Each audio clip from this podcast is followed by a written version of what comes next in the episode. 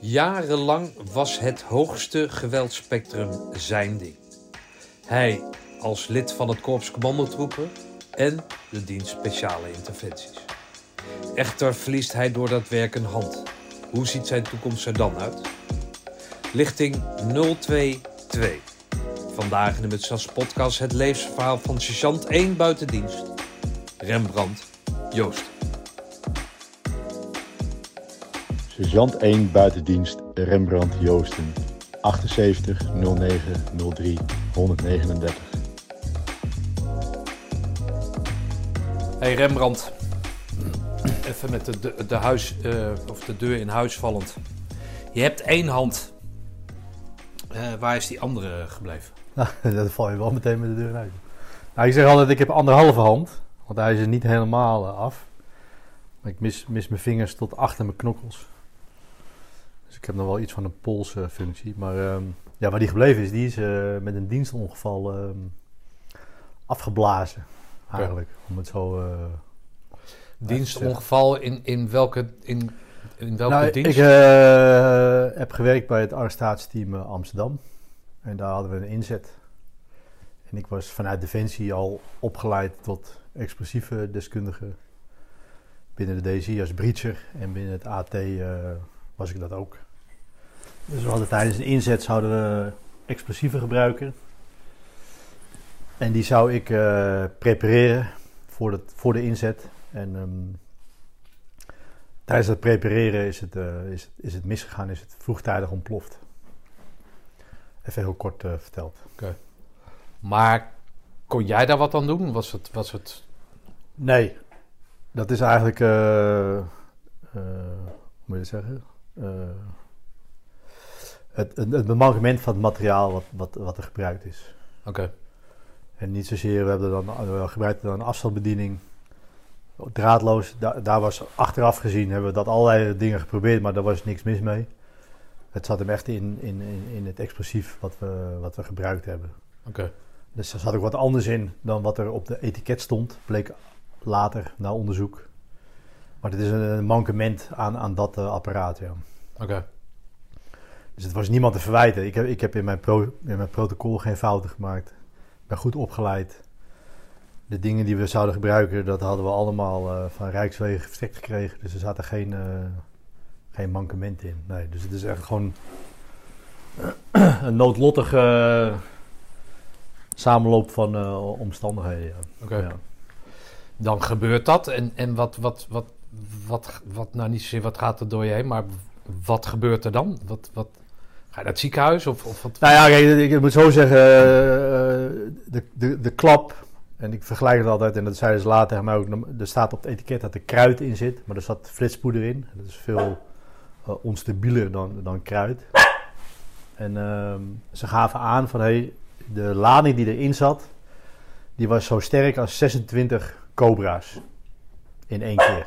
En een cobra, dat is dat de illegale vuurwerk, hè, die ballen die ze tegenwoordig hebben. Dat is een behoorlijke klap alleen al, één zo'n ding.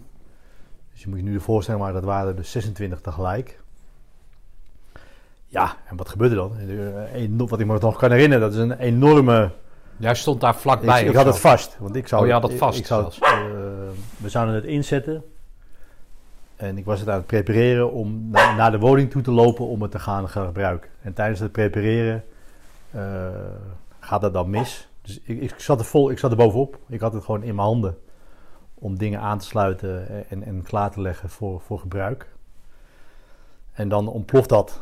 En dan, het geluid kan ik niet meer herinneren, maar wel de druk en de warmte die daar dan van afkomt. Want als je dat dan vast hebt, en dat is 26 keer een cobra. Als Ja. je een, ik heb nooit cobra, maar ik hoorde wel eens die knallen rond oud en nieuw. Trouwens, dit is trouwens eh, niet mijn hond. nee. Mijn Ja, hond mocht ik niet meenemen, omdat er twee van die andere honden waren. Nou ben je de hele ochtend stil en dan ga je nou lopen blaf. En eh, nu sloven ze zich uit. Maar goed, dus dat, ik hoor die knallen wel eens. En dat dan 26 keer en dat dan in je hand. Ja. Oké, dus dan is niet alleen je hand. Nee, je moet het zo een beetje vergelijken dat, eh, dat ik op een bermbom gereden was. Zo, zo probeer ik dat de mensen dan wel, wel uit te leggen. Van, ik, de hand was meteen, dat is zichtbaar, maar ik mis een gedeelte van mijn bicep. Mijn oren zijn stuk, mijn kaak eh, was gebroken. Eh, ik had een lichte kleine bloedingen in mijn hersenen. Eh, ik had door de druk, door de blast, ehm, mijn longen waren stuk. Ik heb een heel groot litteken op mijn, op mijn been. Heel mijn lijf zat vol met fragmentatie van die potten van karton. Maar door de kracht was het karton gewoon in mijn lijf geslagen ook. Dus ik werd daar echt wel aangetroffen eh, en naar het ziekenhuis gebracht als, als oorlogsslachtoffer. Laat ik het zo zeggen. Dus wat voor, voor de Nederlandse artsen eh, een zeer uitzonderlijke eh, patiënt was. Want ze, hebben, ze komen wel in aanraking met, met amputaties. Maar dat is dan vaak benen of de hele arm door mensen die een ongeluk hebben gehad en klem zitten in de auto. Hm. Maar dat is maar één been of één arm of misschien twee benen.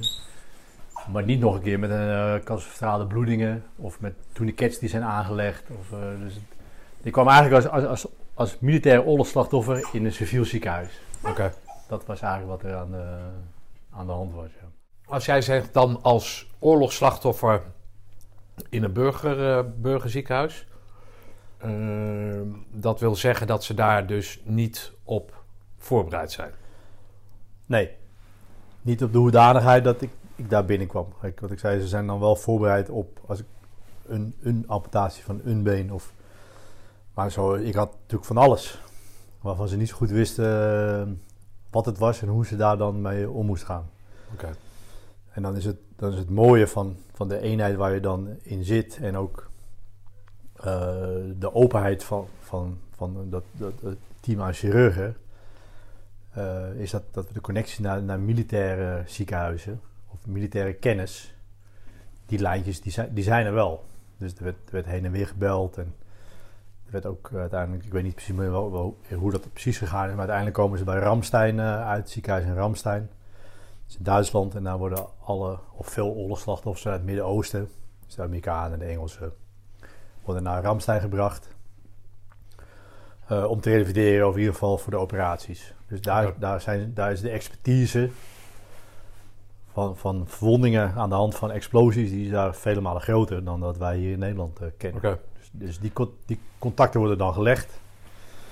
En zo eh, weten ze mij dan. ehm, Maar hoe, hoeveel, hoeveel tijd zit daar tussen dan? Is, is dat, is, is dat, wordt dat dan meteen gedetecteerd? Zo van deze keel die moet ergens anders zijn. Hebben wij geen expertise? Nou, nee, Of- nee, zo gaat het. Ook niet, ik ben daar ook niet weggegaan hoor. Ik- Want heel veel dingen die kunnen ze natuurlijk wel. Kijk, een bloedingstelpen, dat, dat lukt. Alleen dat ik had, het grootste eh, euvel eh, was mijn longen. Die, die longblazen waren stuk, dus ik nam geen zuurstof meer op. Hm. En dat, dat was op dat moment de, grootste dreiging. Kijk, al, al de verwondingen aan zich, dat, dat hadden ze wel enigszins onder controle. Ehm, maar het was vooral de, de onwetendheid van, van, van blasletsel op de longen. Eh, en en de- ik dreigde eigenlijk gewoon vol te lopen met vocht en, en te stikken in mijn eigen, in mijn eigen vocht. Dat is wat, er- wat er aan de hand was. En ehm, uiteindelijk zegt dan zo'n ziekenhuis uit Ramstein... oké, als de blas van voren komt... dan misschien die, die longpunten aan de achterkant... die lopen een klein beetje naar achter... die hebben misschien nog functie. Leg hem, eh, leg hem eens op zijn buik en kijken wat dan, wat, wat dat met hem doet. Nou, dat hebben ze gedaan en dat hebben- dan loop ik letterlijk leeg. Dus het, bloed wat, het bloed en vocht wat in mijn longen zat, liep uit mijn mond eruit. En waardoor ik langzamerhand weer, ehm, weer zuurstof opnam. En of, welk En dan, tijdsbestek en dan hebben we praat je dan? over een, eh, een, een, een, eh, een paar uur. Oké. Maar dat heb jij allemaal niet door. Dat heb ik allemaal niet door. Nee, kijk, eh, dat hoor je dan later van zeggen. Eh, het is een beetje begin van de avond is het gebeurd. Dus mijn vrouw werd ook gebeld van nou, eh, Rembrandt heeft een ongeluk gehad. Je, moet, je wordt nu opgehaald, want je, je moet naar het ziekenhuis. Het is heel slecht. Maar we weten niet zo goed, eh, we weten niet hoe slecht. Maar dat het slecht was, dat, dat konden ze wel vertellen. Leuke boodschap. Nou ja, dat is natuurlijk, ja. dat is natuurlijk geen leuke boodschap. En ook die, eh, mijn kinderen die, eh, die waren daar in de omgeving, die, die hoorden echt wel aan de reactie van, van mijn vrouw dat, dat het niet goed was. Ja. Dus, dus eh, nou ja, die in alle haast de moeder gebeld. Die woont hier in het dorp, dus die kon meteen komen om die kinderen op te vangen. Die jongens die hadden gebeld op het moment dat de, de auto eigenlijk vijf minuten hier vandaan was. Dus die stond Ja. eigenlijk ook zo voor de deur. Dus ze had niet zo heel veel, eh, zo heel veel tijd om na te denken. Het was eigenlijk gewoon oké, eh, de oppas regelen en eh, de auto stond voor de deur. Ja, en dan, dan komt zij dus met, met, met die mededeling, kom je dan in het ziekenhuis, kom je je man opzoeken. Ja.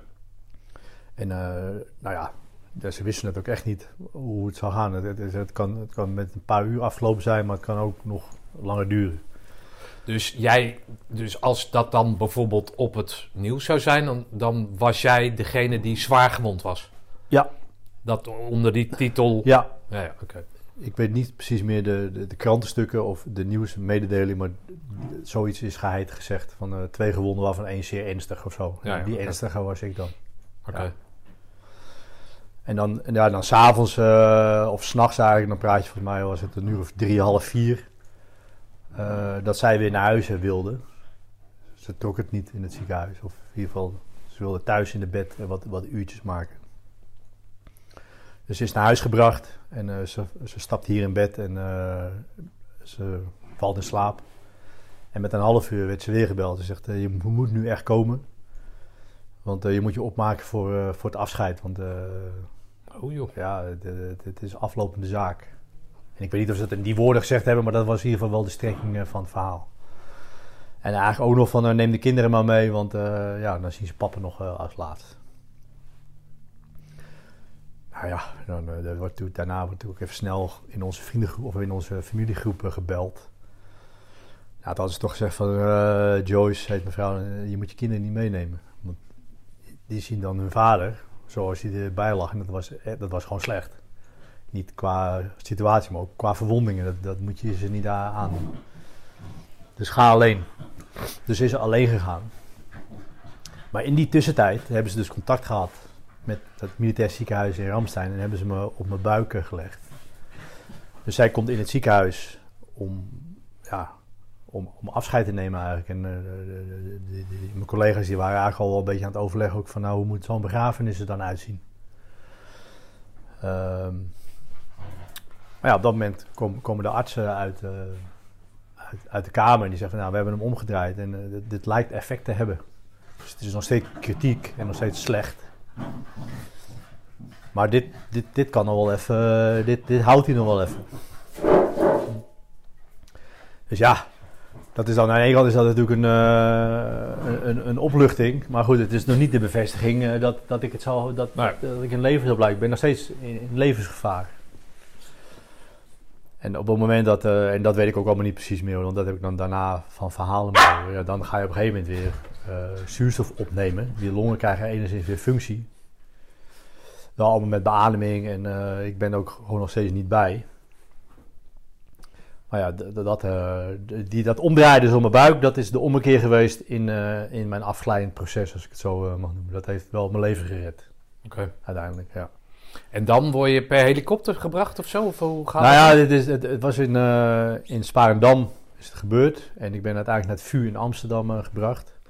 Het was wel heel slecht qua weer die, eh, die avond. Dus de heli kon niet vliegen. Dus de trauma-heli kon niet vliegen. Dus alles is met ambulances gebeurd. Dus degene die normaal, dus de traumaarts die normaal in de heli zat, kwam nu met de auto.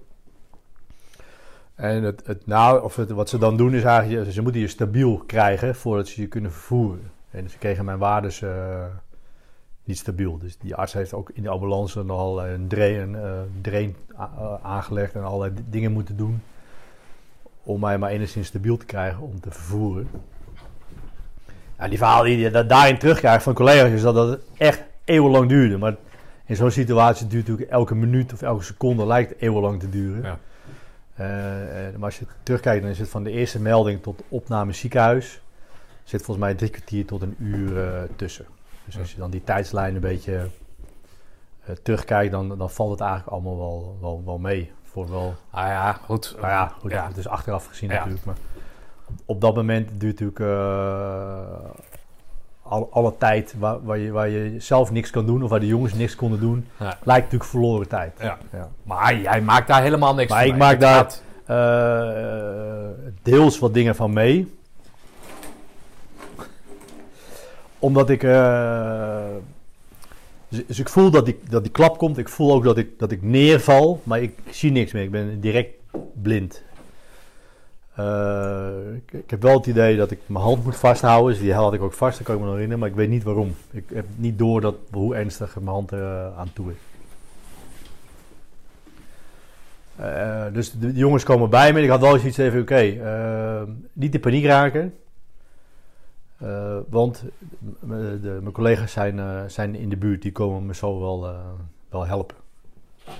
Dus ik had gevoelsmatig, eh, was ik daar ook vrij rustig, bleef ik rustig.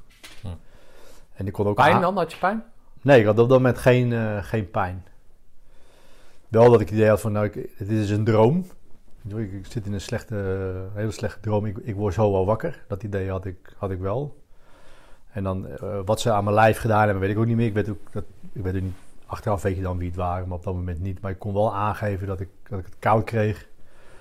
En eh, dat, dat, dat, dat, ik voelde dat mijn benen bloedden.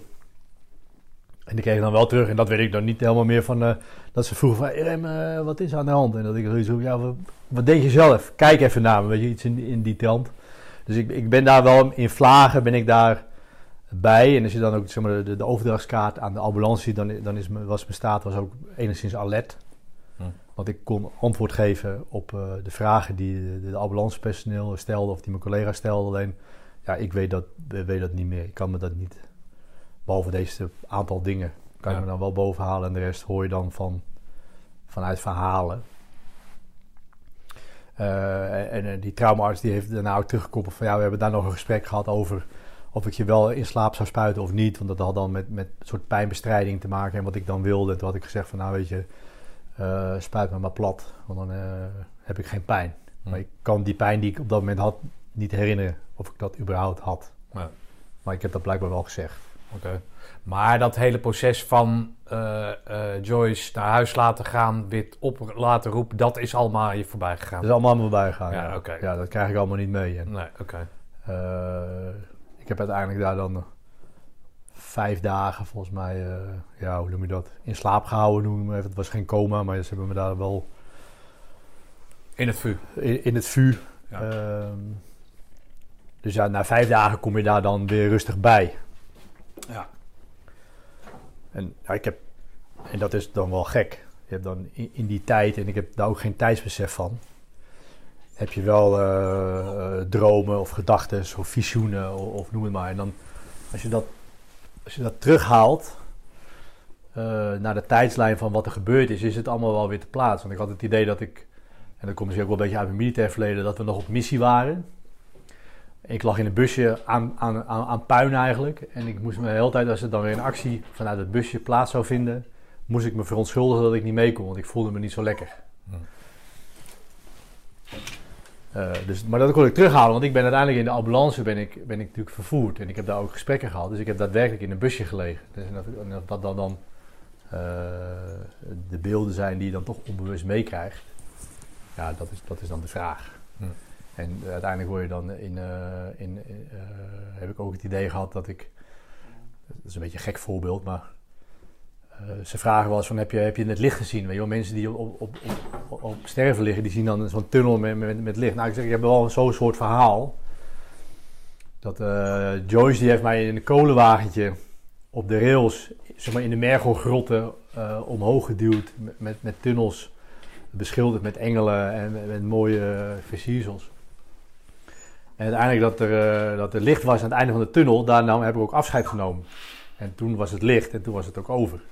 Dat heb je Dus dat heb, beleefd. ik, dat heb ik beleefd. Maar als ik dat dan terughaal naar, naar de tijdslijn, dan kan het ook zomaar zijn dat ik op het ziekenhuisbed lig. Dat ik door de gangen van het ziekenhuis eh, naar de operatiekamer gebracht word. En op een gegeven moment gaan dan natuurlijk de deuren van de operatiekamer gaan open.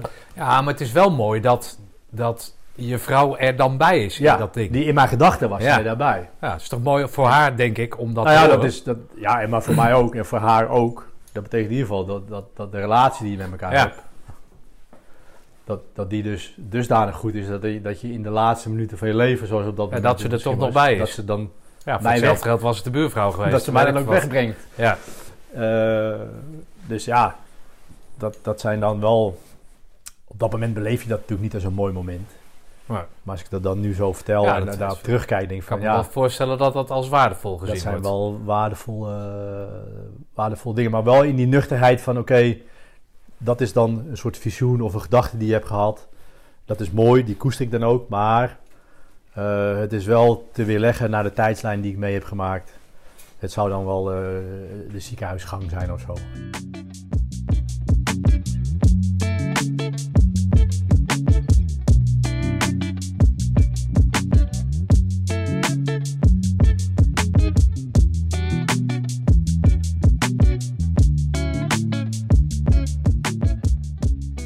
Dan lig je daar dus. Ben jij dan al bezig met. Hoe moet dit verder? Waar ben ik in beland? Hoe, of, of kan je dat nog niet? Ben je daar nog Nou niet ja, nee, als je ben je naar- met de naar die- dood bezig? Of wat, wat, wat? Nee, nee, ik heb nooit het idee gehad dat ik daar eh, dat ik dood zou gaan. Ik heb nooit. Ik weet niet hoe dat voelt, maar ik heb. Nou ja, jij weet het meer Nou ja, dan, goed. eh, ik de ik kan er misschien enigszins een beetje over meepraten, maar ik heb daar nooit de angst gehad dat ik het niet zou halen. Laat ik het, ik dan, eh, dan, dan zo zeggen. En, eh, daar ben ik heel blij om. Ik heb daar dus ook geen angstige eh gedachten aan. Maar het, het, heeft wel, daarmee wil ik het verhaal niet bagatelliseren. Het heeft wel heel slecht gelegen. Alleen ik heb dat, op dat moment krijg je dat niet zo mee. En ik heb, heb ook niet het idee gehad dat ik, dat ik, ik als, zeg maar, de, hoe ze dat wel eens vertellen, dat je als ziel dan naar jezelf ligt te kijken hoe jij in het bedje ligt. Nee, ik heb altijd wel het idee gehad dat ik, dat ik nog in, in mijn lijf zat. Ja, maar je hoort wel eens mensen dat, of je hoort wel eens van mensen die dan, hij, hij was aan het vechten tegen de dood. Was je, had- ja, ik was dat- wel aan het vechten. Ja? Ja, Maar hoe ziet dat vechten eruit dan? Want daar Nou kan ja, je nooit dat- zo'n voorstelling van maken. nou ja dat, is, dat weet ik ook niet, want ik lig daar dan. eh, maar ja, mijn lijf was, was overuren aan het maken. Natuurlijk om maar eh, die, die hartslag, dat, dat, die, dat reisde de, de pan uit. Eh, je zag aan wel aan, aan alle waardes en aan mijn lijf dat, dat, ik, dat ik bezig was om erbij te blijven. Ja, en hoe dat er dan uitziet, dat, dat weet ik niet. Nee, maar ben je dan ook in je hoofd? Ja, nee, op dat, moment, op dat moment niet. Niet van, kom op jochie, je kan het. Of Nee, zoiets, nee, weet ik veel wat. Nee, ik heb geen idee. helemaal niet. Nee, wat ik zeg, je hebt dan bepaalde eh, dromen of visioenen, maar totaal geen besef van tijd. Dus dat kan allemaal misschien de laatste vijf minuten voordat ik wakker word gebeurd zijn, maar dat kan ook Ja, in vlagen zijn. En het zijn maar een aantal verhalen die ik heb, wat te kort is voor vijf hele dagen. Dus het zijn ook maar bepaalde momenten. De- dus ja, in die tussenliggende momenten denk ik aan niks. Maar dan ben ik ook niet, ik ben ook niet ehm, bewust dat ik dan aan niks denk. Ja. En pas, je gaat pas nadenken over van, eh, en hoe nu verder als je, als je bijkomt. Hoe, lang, hoe lang is dat daarna dan? Nadat het... Nou, dat, dat heeft vijf dagen geduurd. Dat ze dan zeg maar, de pijnmedicatie dusdanig een beetje afbouwen dat je dan weer eh, zelf, maar ik kon nog niet zelf ademhalen, dus ik lag nog aan de beademingsapparaat. Ik had een eh, slangetje in voor het voedsel en daar heb ik voedsel toegediend. Ehm, en dan kom je langzaam bij ja, en, dan zit je in een soort, een soort delirium. Je zit natuurlijk onder de morfine. Dus ja, dan, eh, wat ik nog wel, de eerste woorden, de eerste woorden die, ik- die ik zei, en dat, was, en dat was ook mooi, dat mijn vrouw stond naast me van, van ik hou van je. Hm. Dus nou ja, dat was natuurlijk een tranentrekker. En dat was dan niet bewust, maar dat waren dan echt wel mijn eerste woorden. Als je dan je geliefde weer, eh, weer naast je staat. Eh, en, en, en mijn tweede zin was bij wijze van spreken... Oké, je moet een prothesehand hebben, want ik wil zo snel mogelijk weer aan het werk.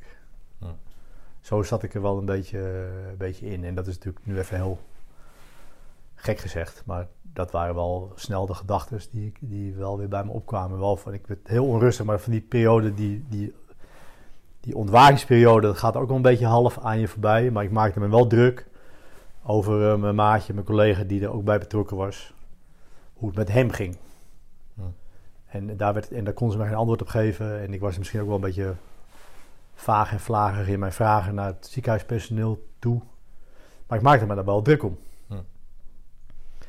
En die verpleegkundige zei, ja, maar dat gaat helemaal niet goed met hem. We moeten, we moeten hier iets mee, we moeten de psycholoog halen, we moeten zijn vrouw roepen. Want alles aan zijn lijf zegt ons dat, eh, dat hij heel onrustig wordt. Is. Dus nou, Joyce weer erbij. Van, nou, kan jij eens met hem praten? Want we hebben het idee dat hij eh PTSS aan het opbouwen is. Of... Ah, dus hij zegt, eh, volgens mij wil hij alleen maar weten hoe het met zijn collega's gaat. Dus als jij vertelt hoe, hoe eh, het met zijn maatje is, dan, eh, dan is hij rustig. Dus dat kon ze ook vertellen. En toen was, daar was het ook mee klaar. En hoe ging het met hem? Sorry? Hoe ging het met hem? Nou, hij was ook gewond. Ja. Maar het ging goed. Ja, hij, was, hij was ook in het ziekenhuis geweest. Hij had dan wat fragmentatie, verwondingen in zijn been. Dat is allemaal verbonden en schoongemaakt. En toen kon hij eigenlijk... ik weet niet of hij... Misschien heeft hij één nacht nog daar gelegen. Maar hij kon in ieder geval vrij snel... eh, En hoe- snel Even een detail, maar hoe ver stond hij van jou vandaan dan? Nou ja, het, het, gelukkig liep hij net weg. Oh, oké. We hadden zo, jij red je het alleen? Ja, ik red het alleen. Mooi. Dus eh, hij stond een meter of eh, drie, vier, vijf, Ja, ja, vijf meter er vandaan. Weglopend. Dus hij heeft voor mij ook de meeste fragmentatie in, in zijn- aan de achterkant van zijn Oké. gekregen. En dan? Wat, wat, hoe, hoe... Nou ja, en dan, ja, dan lig je daar dan. Oké, en nu? Dan is het natuurlijk eigenlijk heel, helemaal wereld stort op dat moment eh, in. En, eh, Want hoe kwam jij bij de DSI dan? eh, Waarom ben jij bij de DSI gegaan? Je bent commando, daar komen we later op Ja. terug. Maar waarom ben jij bij de DSI gegaan? Naar de DSI gegaan? Ik ben daar naartoe gegaan omdat ik na mijn operationele tijd bij het KST eh, aan mijn jasje getrokken werd door mijn vrouw van Rem, we hebben, we hebben nu een kleine. Jij woont nog steeds op de kazerne. Hoe denk je erover? Dus ik werd daar, ik werd daar voor een keuze gesteld om, om te veranderen in ieder geval. Of niet, maar ik wilde, ja, ik zeg, je hebt ook wel een beetje gelijk eigenlijk. Dus toen ben ik daarna nog twee jaar naar de sport gegaan, maar wel binnen het KST. En dan met die afspraak met thuis van, nou ja, weet je, dan eh, neem ik de woensdagen eh, neem ik dan vrij. Dus maandag, dinsdag op de kazerne en woensdag thuis, donderdag, vrijdag op de kazerne. Nou, dat, dat ging goed. Alleen ik merkte tijdens die sport, en ik had dan, eh, deed ik dan eh, de, de CT-opleiding ondersteunen, maar dan fysieke en mentale componenten legde ik daarin. Dat ik dat werk, dat CT-werk, dat, eh, dat antiterreurwerk, dat, dat vond ik nog steeds wel heel mooi. Maar ik deed het niet mezelf, omdat ik aan sport aangeplakt zat. En toen dacht ik wel zoiets van, hé, hey, volgens mij bestaat er een eenheid die er niet zo heel lang geleden opgericht is, die dat werk doen, maar dan binnen Nederland. Hoe mooi zou het zijn als ik met mijn expertise van eh, mijn computertijd in zo'n eenheid terechtkom. En dan hebben we het dus over die arrestatie. En dan heb je het over de DSI. Ja. En dat is dan, eh, toen die tijd was daar eh detacheringsplekken vanuit het KST. Dus ik solliciteerde ook als commando om gedetacheerd te worden bij de DSI. Nou, en zo gezegd, zo gedaan. Ik kon eigenlijk weer het werk wat ik het allerliefst deed, kon ik doen, maar dan in Nederland. En als ik vrij was of als we geen werk hadden, zat ik thuis. Oké. Dus dat was eigenlijk... eh, Dus dan word je betaald door Defensie. Toen die tijd werd ik nog betaald door Defensie, ja. Oké. En het is dan ook zo, je kan daarheen. Eh, maar eigenlijk is de bedoeling dat je dan na vier jaar, een soort uitwisseling, nou het is geen uitwisseling, een detachering van vier jaar vanuit KST. En dan zou je eigenlijk weer teruggaan Hmm. naar Roosendaal. Oké. Nou, dat heb, dat heb ik nooit gedaan. En dat, dat, dat wilde ik ook niet. Ben, was niet voor niks uit de compie, ik was naar de sport. Dus ik wilde sowieso al wel weg Dus die sport was eigenlijk de eerste fase uit in dat... ja, en die, die sport die heb ik dan wel heel erg eh, ervaren als een soort afvloeitijd. Dus ik ben ook echt heel blij dat ik die tijd gedaan heb. Want dan ben je dan wel een beetje be- bij de eenheid, maar je zit er niet meer volledig in. Eh, je kan wat meer bepalen over de vrije dagen die, je- die je kan opnemen. Dus je bent wat dat betreft voor thuisvond Hm. wat meer thuis. Oké. Hoe heb je dat ervaren dan? Want je, je hebt het nou over langzame afbouw, maar, Ja. maar deed je dat met tegenzin? Of, of uh, Nee, bleef nee, dat werk trekken? Of, of... Nee, ik deed, het- deed het niet met tegenzin. Kijk, ik eh, werd natuurlijk wel een beetje voor de keuze gesteld. Dus ik, dus ik had of kunnen kiezen van, nou ja, weet je, ik wil dit blijven doen. Maar dan was mijn relatie, eh, zou dan ten einde, dat was dan het gevolg ervan. Nou, dat was het me niet waard. Want ik had in die drie liggende jaren daarvoor, had ik genoeg meegemaakt wat ik als commando mee wilde maken. Dus ik had ook wel het idee van, oké, ik heb, heb een hele hoop van de wereld gezien. Ik heb drie uitzendingen gedraaid. Ehm, ja, wat wil je dan nog meer? En, eh, en wat is het je dan waard eh, ten opzichte van je relatie? Dus daar heb ik wel een heel bewuste keuze in gemaakt. Maar goed, Want hoe lang kenden jullie elkaar toen? eh, nou, toen kennen we elkaar een jaar of acht, denk ik. Ja, ja oké. Dus, dus het was wel een was een stabiele... blijvertje. eh, en dan een kind erbovenop. Of meer kind erbovenop, Ja. maar in ieder geval... Nou, het was een blijvertje. En dat, dat, eh, dat was, had zich al bewezen in, in, de, in de periode ervoor. Hm. Dus ik, ik geloofde ook wel eh, in die relatie. Eh, dus daar had ik op dat moment ook wel Nou goed, ik vind ook dat je als vader dan je verantwoordelijkheid... eh, Ja, nee, ja, maar ik, ik eh, denk, vraag nemen. maar Dus- even. Dus er zijn heel veel dingen die daarbij komen. Maar je wilt natuurlijk ook... Ik, ik, ik was commando of ik ben commando. En, en ja, dat was toch wel een hele mooie wereld. Dus als je daar natuurlijk eh, iets kan vinden wat, wat, wat, wat, wat, een goede balans geeft met thuis en, en Ja. het werk wat je doet. En zij wist ook dat ik dat werk ook wel ambieerde. Alleen, ja, het, het, het trok wel de relatie een beetje scheef. ze wilden geen kantoorman van je maken. Nee, dat was niet Nee, haar eh, intentie. Want ze zei dan ook, en dat hebben we wel vaker is dat gezegd, van ik heb liever dan een blije man die wat minder thuis is, dan een zaggerijnige vent die alle dagen op de bank zit, weet je wel. Ja. Dus zo zat zij er ook wel in.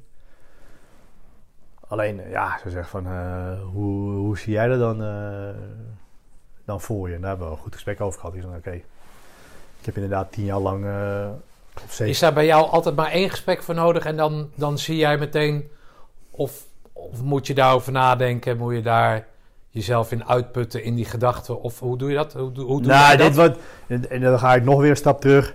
Eh, eh, ik heb deze vraag ook een keer aan haar gesteld.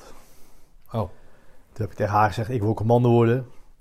En, Oh, zo, eh, ja, oké. en jij gaat met me mee of hier eindigt onze relatie. Oké.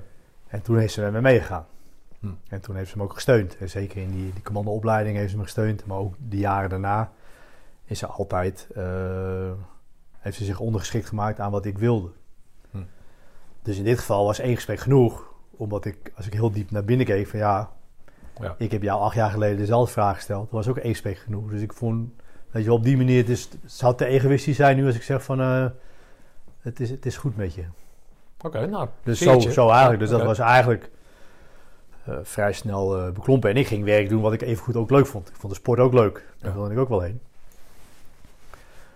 Dus ja, dat was eigenlijk al, al het goede kwam daar wel. eh, Ja, maar, wel want samen. jij hebt SEALS gedaan in Heerenveen. Ja. En daar ben jij haar, hè, Joyce ben je Ja. daar ook tegengekomen. Ja, dat klopt. Ja, dus het, het is Dus ja, allemaal in elkaar Dus in vervlochten. elkaar, ze- ze- zij, is, is, zij is meegegroeid. Of we zijn in mekaars ambities meegegroeid.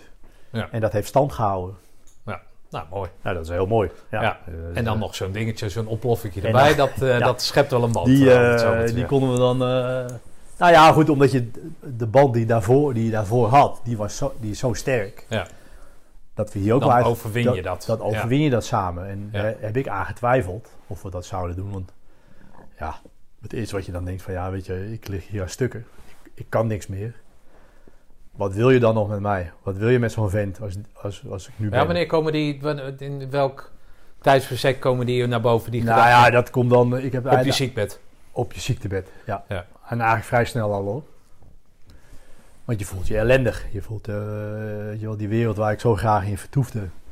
Die, die, die, die- daar was ik uitgetrokken op een hele cruwe manier. Dat was eigenlijk mijn, mijn kapstok of iets waar ik mezelf eh, aan op kon trekken. Dat, dat was weg. Ja. Dus dan ga je natuurlijk aan alles ga je twijfelen. Weet je, wel. je, je voelt je machteloos, je bent boos, emotioneel. En kan ik dat werk nog wel doen? Eh, ben ik nog wel de, die echtgenoot voor mijn vrouw? Ben ik, ben ik überhaupt, kan ik de vaderrol wel, wel op? Op de, op, dat soort dingen. Nou ja, als je zo aan stukken ligt, lijkt me dat je dan inderdaad, zoals je zegt, aan alles gaat twijfelen. Maar hoe sterk, hè, ondanks dat je dat dan graag wil, wil terugkomen op, maar hoe, hoe, ach, wat acht jij als kans dat je dat dan, ga- gaat iemand, vraag je dat aan iemand, aan een arts? Van hé, hey, luister, kom eens, wat schat jij nou in? Dat Nee. ik, eh, en binnen hoeveel tijd? Of Nee, nee ik, heb dat dat, ik dan? heb dat eigenlijk... eh, Naarmate eh, komt natuurlijk berusting. En dan zegt je vrouw, nee, tuurlijk, ik blijf bij je. En je krijgt van alle kanten krijg je steun erin. Maak je niet druk.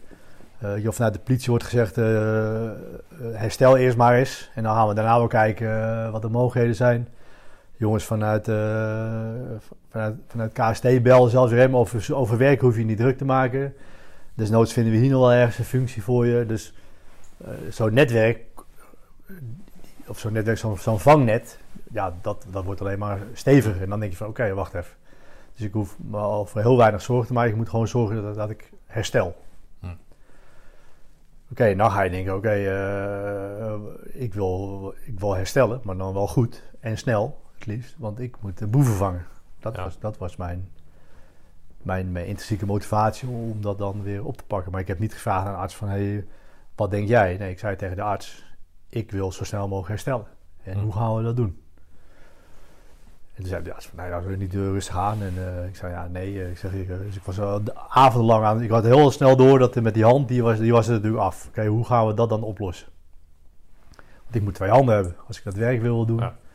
dan moet er een prothesehand komen. Dus ik heb avondenlang lopen swipen op internet en lopen zoeken. Nou, wat, wat is er dan mogelijk voor zo'n vervangende hand? En wat kan je daar dan mee? En eh, zijn er militairen die zoiets hebben? En zijn er dan eh, mensen die eh, soortgelijke ervaringen hebben als ik? Dus ik was heel erg op zoek naar van... Dus jij nam de regie.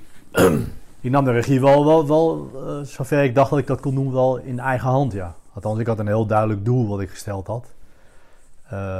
En en daar wilde ik iedereen van overtuigen dat dat, dat de weg was die we gingen, gingen belopen. Ja. Hm. En dat is dan voor de artsen prachtig, want dat is natuurlijk een heel schoolvoorbeeld patiënt. Ja.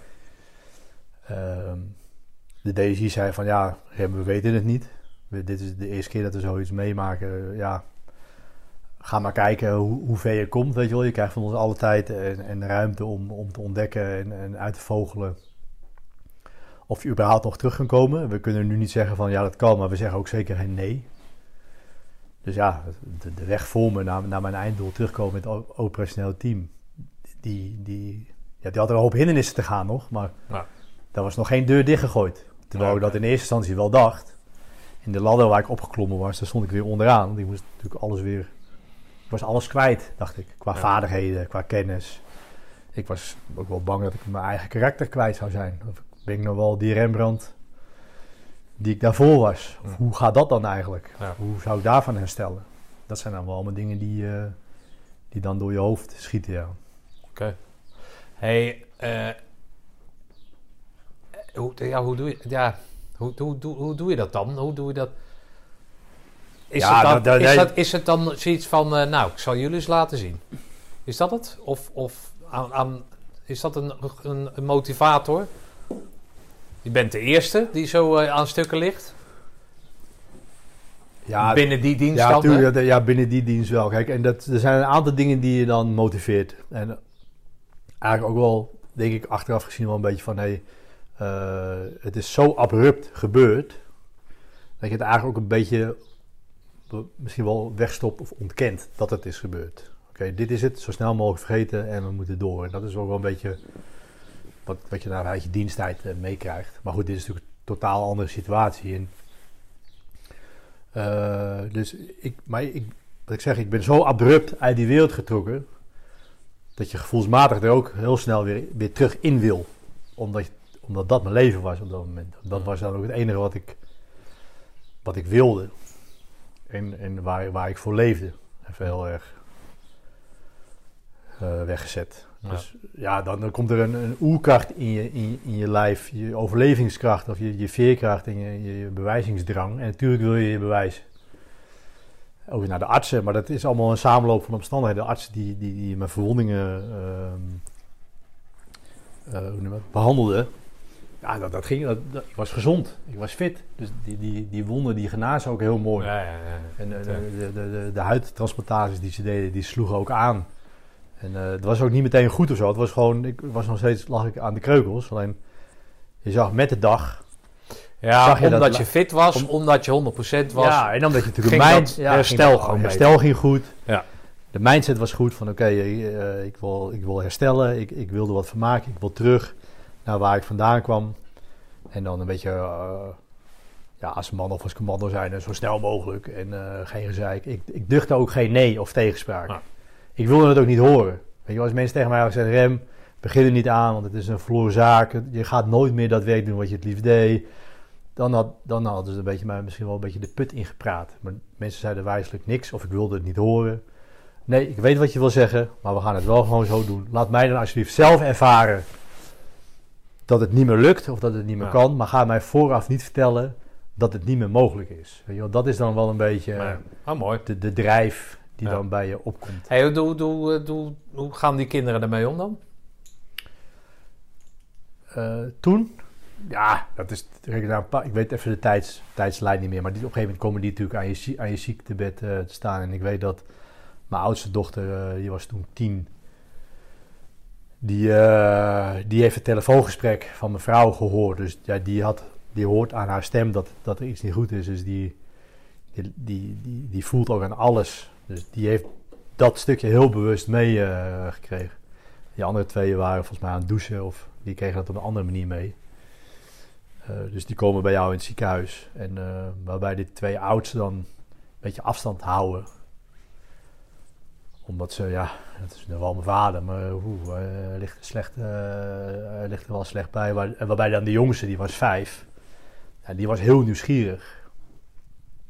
Wat je ook bent, denk ik, als je vijf jaar bent. En we hebben het natuurlijk wel over gehad, okay, hoe gaan we, wat, wat gaan we haar vertellen maar en wat gaan we haar laten zien vooral.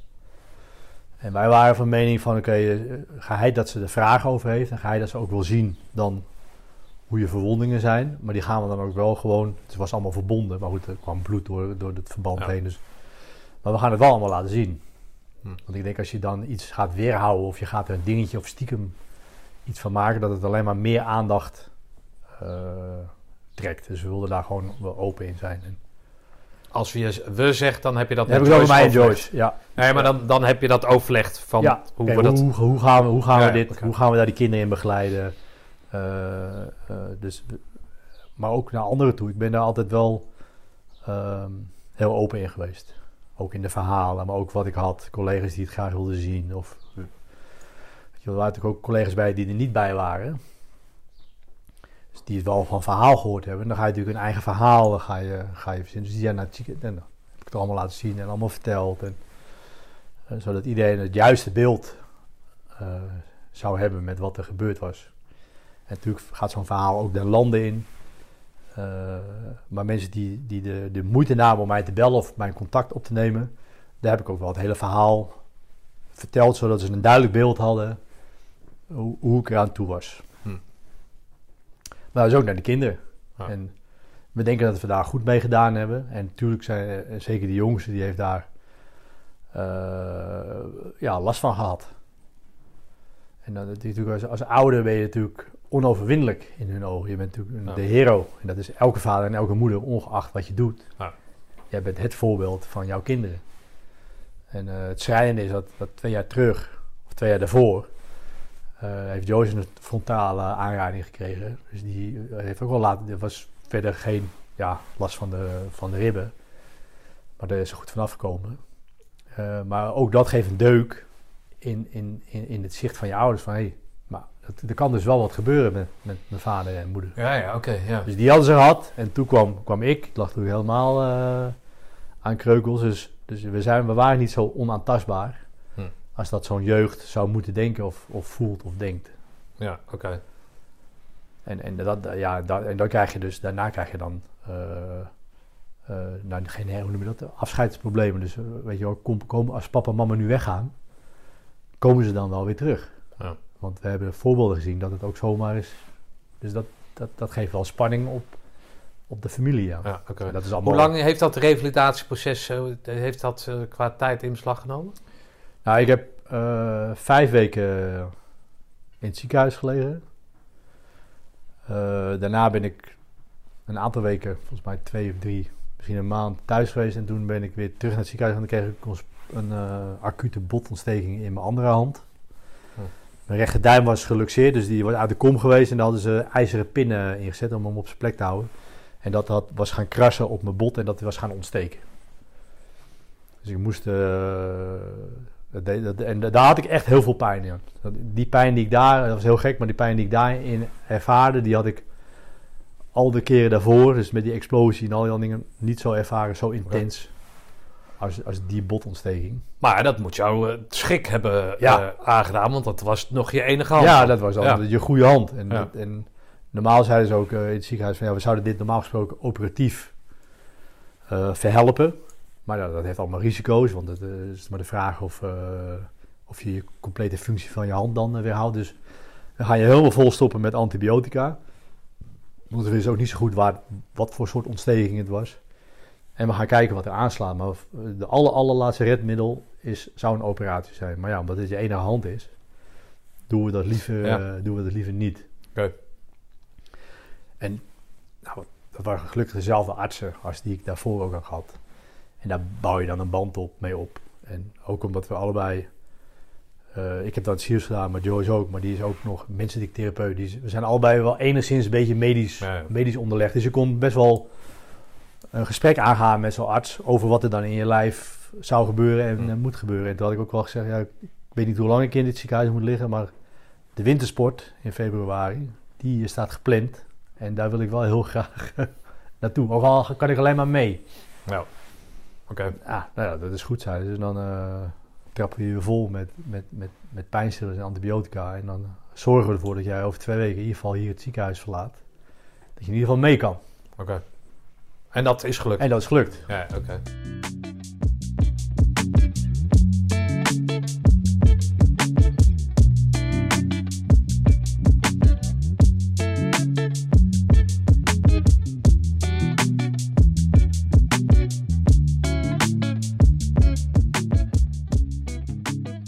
Maar dat hele traject tot, tot aan, aan dat dat je weer kon functioneren lichamelijk gezien? Eh, nou, dat, ik, ik zeg dat altijd. eh, ik heb een jaar lang, denk ik. eh, nou, ik had, mijn doel was dus om terug te komen operationeel. En dat, als je dat dan in die tijdslijn terugkijkt, heeft dat twee jaar geduurd. Oké. En dan op dat moment was het gesprek: oké, gaan we het wel of gaan we het niet doen? Maar het eerste jaar, ja, ik, ik, ik, ik was alles qua spiermassa, qua kracht, ik was alles kwijt. Dus ik moest dat ook allemaal weer opnieuw opbouwen. En ehm volgens mij heb ik anderhalf jaar eh, na dato dan eh, weer een, medische sporttest gedaan. Dacht ik, volgens mij anderhalf jaar, maar dat maakt het niet uit. Maar in ieder geval, die arts zei toen, ja, je zit weer op hetzelfde gewicht, dezelfde, dezelfde kracht, dezelfde longinhoud zelfs. Dus die waren ook al helemaal weer hersteld. Dus, dus ik, ik hou even aan, lichamelijk gezien een herstelperiode van, van twee jaar. Oké. En hoe Ja. ziet zo'n dag er dan uit? Ga je dan elke dag ben je bezig? van, Godverdomme, vandaag ga ik me weer verbeteren ten opzichte van gisteren. Is, is, is dat dan? Nou ja, dat is, dat is niet dan per dag, maar wel per fase. En zo'n fase duurt dan een, een week. We het even per week eh, houden. Ja, doe je dat zelf of laat je een begeleider daar? Of word je begeleider? Nou ja, ik ben daarin begeleid en dat was eigenlijk ook wel mooi. En dat zegt ook wel iets over wat voor, wat voor, wat voor beeld ik daarbij had. Eh, dus na die weken ziekenhuis komt er natuurlijk een revalidatietraject zit daar aan te komen. Dus hij zei, Rem, ehm, hoe zie je dat voor je? Nou, ik zeg, ik zeg, ik wil graag naar Doorn, naar het militair revalidatiecentrum. Want daar zitten misschien wel mensen die gewond zijn geraakt in eh uitzendgebied. Dus ik kom daar een soort gelijkgestemde tegen. Eh, daar lopen militairen rond. Die weten een beetje eh, hoe het is om als militair te denken. Ik wil graag weer eh, leren schieten, dus ik heb het over vuurwapens. Dus ik had het idee van als ik dat bij een civiele instantie eh, ga vertellen dat ik met mijn prothesehand weer de glok en, eh, en dat soort dingen wil gaan doen. Dan denk ik, je bent gek. Ja. En ik had het idee dat als ik dat daar zou vertellen, zouden ze ook wel zeggen, hij is gek. Maar dan zullen ze het in ieder geval een beetje begrijpen, omdat het een militair orgaan is. Ja, zeggen hem, dat gaan we niet doen. Weet je wel, wij gaan wel even rondbellen in Nederland, bij allerlei eh, revalidatiecentrums, waar je dan het best terecht kunt. En eh, ze hadden het idee dat de reisafstand van, van hier uit Ussem, dus eh, in de buurt van Alkmaar, naar eh Doorn, dat dat een te grote belemmering zou worden. Dus nou, hun rondbellen, ze kwamen aan de achter, nou, we moeten je toch gelijk geven. Iedereen zegt dat je in Doorn het meest eh, op je plek zou zijn. Dus ik ben daar ook naar Doorn, naar Doorn toe en daar zat je intern dan? Of, Nou, dat, dan wordt het verhaal nog mooi. Dat wilden ze wel graag. Althans, de intakearts. Hm. Die wilde dat. Want je hebt dan, eh, wat had ik? Ik had fysio. Ik had eh, nou, wat dingen voor mijn hand. Ik had, ik had maar een beperkt programma van drie uurtjes per dag. Of er niet eens. Stel, zeg even twee keer vier uur in de week. Dat ik echt aan mijn herstel werkte. Dus dat was dan een beetje fitness, een beetje fysio. Eh, ik moest dan eh, mijn mijn rechterhand moest ik weer leren goed bewegen, moest lenig worden. En ik kreeg dan vrij snel eh, een soort, eh, hoe noem je dat, prothesetherapie. Dus ik moest met, met, met, met de impulsen vanuit mijn stomp, Ja. leerde ik impulsen geven om later de prothese te kunnen gaan bedienen. En ik kreeg dan wat training in, in dagelijks leven. Van nou, hoe smeer je een boterham? Hoe trek je je broek aan? Hoe doe je je knopen Ja, dicht? Maar ja, ik, als ik dan die uren zo zag, zei ik tegen die intakearts van... eh, en wat doe ik dan de rest van de week? als jij mij intern wil hebben, betekent dat dat ik elke dag fysiek aan mijn herstel werk? Nee, eh, zei ze, die andere dag eh, hebben we dagbesteding. Dan kan je naar het atelier of je kan, weet ik veel, ik zeg maar, ik zeg, dat gaan we niet doen. Ik zeg, ik kom hier alleen op de uren dat ik daadwerkelijk fysiek herstel. En al die andere uren zit ik thuis. Ah, maar dat is niet de gang van zaken. En hoe gaat dat dan? Ik zei, nou, ik, kan je zo vertellen. Zeg, mijn collega's brengen me elke dinsdag naar Doren. Die brengen me elke dinsdagavond weer terug. En dat doen ze donderdag, doen ze dat ook. Dus ik heb geen reisbewegingen. Dat is voor mij niet vermoeiend. Ik kan slapen eh, op de voorbank. En uh, ik kom uitgerust hier en ik kom uitgerust thuis. Nou, uh, dat vond het wel wel gek. Maar ik heb dat er wel doorheen gekregen. Ik zeg, als we dat dus niet doen, dan, kom ik, dan ga, ik, ga, ik ga dat niet doen. Ik vind dat, dat vind ik dus echt zonde van de tijd. Ja. Dan zit ik liever thuis op de bank. Bij mijn gezin. Met mijn vrouw. dan ga ik daar wel een beetje knutselen of zo. Dat, dat was, ja, maar dat was eigenlijk wat ik dan Ja. ging doen. Ja, oké. En dat is natuurlijk... Dat heeft natuurlijk ook een functie daar. Ja, maar die zag Ja, ik niet. Maar die zag jij niet Die voor zag, ik zag daar geen meerwaarde van. Nee, oké. Maar het klikte wel in dat, in dat... Dus dat had je wel goed gezien. Zij bevestigen dat door je alsnog naar door te sturen. Maar die omgeving, die, die militaire omgeving... ja. Dat was wat jij nodig had Nou, dat om... klikte. En eh, als je dan... Maar er liepen helemaal geen eh oorlogsslachtoffers rond. Wat, in, wat ik in mijn gedachten... Er liepen wel mensen rond die van alles mankeerden. Alleen dat was niet de mensen waarvan ik dacht van... Hé, hey, die hebben het gelijk meegemaakt als ik. Dus ik had Maar het waren wel militairen. Eh, ook niet eens allemaal. Oh, het is een beetje gemixt. Dus de mensen waarvan ik dacht dat ik die tegen zou komen, daar ben ik er één of twee echt van tegengekomen. En de ene was een politieman. Die was overreden door een bus, die miste zijn arm. En die andere, eh, eh, dat- ik weet niet eens meer wie dat was. Maar, dus ik, ik kwam daar wel wat mensen tegen, maar niet in, in de hoe grote hoeveelheid wat, Ja, ja, wat ik niet gedacht had. Maar in ieder geval, als ik, wat ik vertelde aan die, aan de revalidatiemensen, wat, wat ik wilde en waar ik naartoe wilde, dat snapten ze. En, en daarin vond ik wel de steun die ik, die, die ik nodig had. Ja, want zij hebben natuurlijk wel zij hebben natuurlijk wel dat Ja. meegemaakt met, met mensen die vanuit eh, Afghanistan eh, kwamen, die, die ook weer Ja. eh, of militair bleven of in ieder geval weer terug wilden komen naar, naar waar ze vandaan Ja. kwamen. En ook met die prothesemakers hadden ze een, een hand voor me gemaakt. En als ik dan de, de slede van de klok naar achter wilde duwen, gleed mijn hand er steeds af. Hm. Dus daar moest een aanpassing komen. Dan moest een beetje een ruw. Dus, weet je wel, zo in detail kon ik wel met hun Ja, kon ik met hun mijn, eh, Ja. mijn specifieke wensen bespreken. Dus ik zat Ja. daar wel, ik zat daar goed op mijn plek. Zeker, ja. En jij vertelt dat, zeg maar, in jouw... Hè, in, in het begin van... Hè, na jouw ongeluk... Dat jij dingen naar je hand wil zetten. Ja. Dat jij niet wil horen dat het niet haalbaar is. Ja. Ehm, hoe gingen ze daar met je om? In, in, in, binnen die context? Ah, tegen die rem kan je beter niet zeggen dat het niet lukt. Eh, want anders wordt hij kwaad. En dan gaat hij met zijn ruwe hand slaan. Of eh, hoe? Nee, nee, helemaal niet. Dat gaf juist. Gaven ook- ze jou daar die ja, boost die je nodig had? gaven daar ook, zij gingen daarin mee. Oké. En of dat dan voor mij was, of dat, of dat ik ze daar. Nee, die artsen vonden dat ook mooi. Oké. Dat, dat ik zo'n drijf had. En wat ik normaal zei, alles wat hun, wat, hun, wat hun deden, wat aan mijn lichaam plakte, dat, dat, dat, dat, werkte ook, dat sloeg aan. En, eh, het was ook wel ik was ook wel, wel dat betreft wel een, interessant geval. Niet, niet qua persoon, maar wel qua verwondingen. En ook eh, aan hoe dat dan herstelde.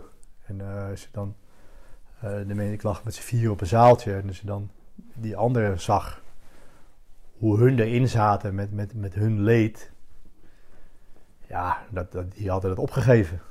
Hm. En, dat, en dat heeft ook de weerslag wel op zo'n, op zo'n, zo'n team wat jou verbindt. En als je natuurlijk daar met, met, met een slachtoffer ligt die, die wil en die eh, een drijf heeft, dan Ja, wordt het ook leuk Ja, en mooi. Leuk voor hun. Dat Leuk het, voor hun. En Ja.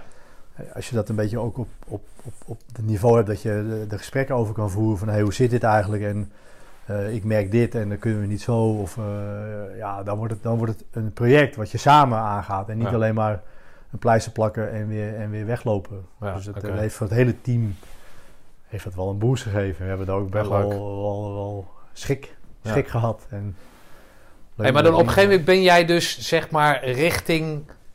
Hè, dus jij zegt dat je die sporttest hebt gehad. Dat Ja. daar je longinhoud. eh nou, dat eigenlijk alles. eh, Je hebt alleen geen hand. Nee. Of in ieder geval een bestuurbare hand Ja. die jij zeg maar kan inzetten. Ja. Dan ben je klaar voor hè, om terug te, terug te komen. Ja. Beschrijf dat proces is. Nou ja, het, het- het proces wat daar vooraf gaat is dat je een bepaalde bewijsdrang krijgt en hebt.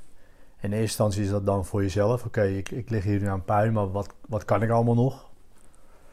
Dus ik ben, ik ben en daar heeft, heeft sport me heel erg in geholpen. Dus ik ben weer gaan, langzaam gaan hardlopen. Hey, hardlopen, dat lukt ook weer. En ik eh, merk inderdaad eh, dat dat weer lukt. Oké, wat heb ik nog meer gedaan in het verleden? Oké, eh, we gaan de mudmasters gaan doen. Omdat daar heel veel vaardigheden in zitten die ik in het verleden geleerd heb vanuit mijn diensttijd.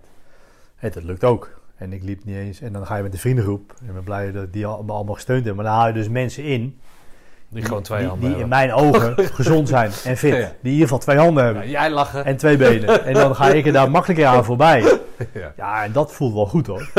En het, niet vertellen dat het een oma van 95 was. Nee, dat is gekkigheid. Maar weet je, ik, ben, ik, ik weet wel, je bent, er is altijd iemand sneller. Er is altijd iemand beter. Maar goed, als jij gedurende zo'n Viking run of zo'n Mudmasters run gewoon mensen inhaalt die gezond van, van leden zijn. Of in ieder geval alles met twee handen kunnen doen. En jij, jij, jij vliegt over die hindernissen. eh, met mijn beperkingen en met, met, met hoe ik het doe, dat gaf echt wel, gaf echt wel een boost. Dus ik, ben wel op de goede weg. Oké. Maar dan moet jij geïmplementeerd worden. Ja, Ja, hergeïmplementeerd Klopt, en worden. er zit natuurlijk nog een fase voor aan. Want dan ga je, op- ga je op een gegeven moment, ga je, oké, hoe gaan we dat dan met je uitrusting doen? Dus ik had al vrij snel, eh, met, eh, goed, ik had, gingen wij helmbandjes dichtmaken. Oké, hoe doe ik dan mijn scherfvest aan?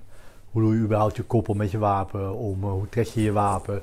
Dus ik heb dat wel allemaal in, in fases gedaan. En, en alles wat we daar probeerden, dat lukte ook. Ik ging, moest weer leren schieten. Ik moest de wapenhandelingen doen, dat lukte. We hebben ook dan nog een, eh, eh, een, eh, een lang wapen waar je een aantal handelingen moet doen. En dat staat dus allemaal in het protocol geschreven. En die protocol lukte niet helemaal meer. Omdat je daar nog echt vaardigheid had moet hebben met twee handen. Maar ik kon bijvoorbeeld het lange wapen vasthouden.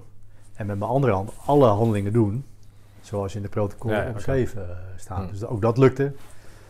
Eh, en dan kom je in de fase, oké Remmen, we hebben, je mag mee met een inzet. Alleen het is wel de bedoeling dat je buiten blijft. Weet je, je gaat alleen mee in het planningsproces. Je gaat weer eens even kijken hoe is het om, om, om aan te rijden. Ehm, ja, als je daar eenmaal weer staat, dan wil je meer. Dus dan eindigde ik toch weer binnen. Of was ik toch weer mensen aan het aansturen. Of, en, toen, eh, en dat was dan twee, twee keer gebeurd. Toen hadden ze zoiets van, oké, en ik zelf ook.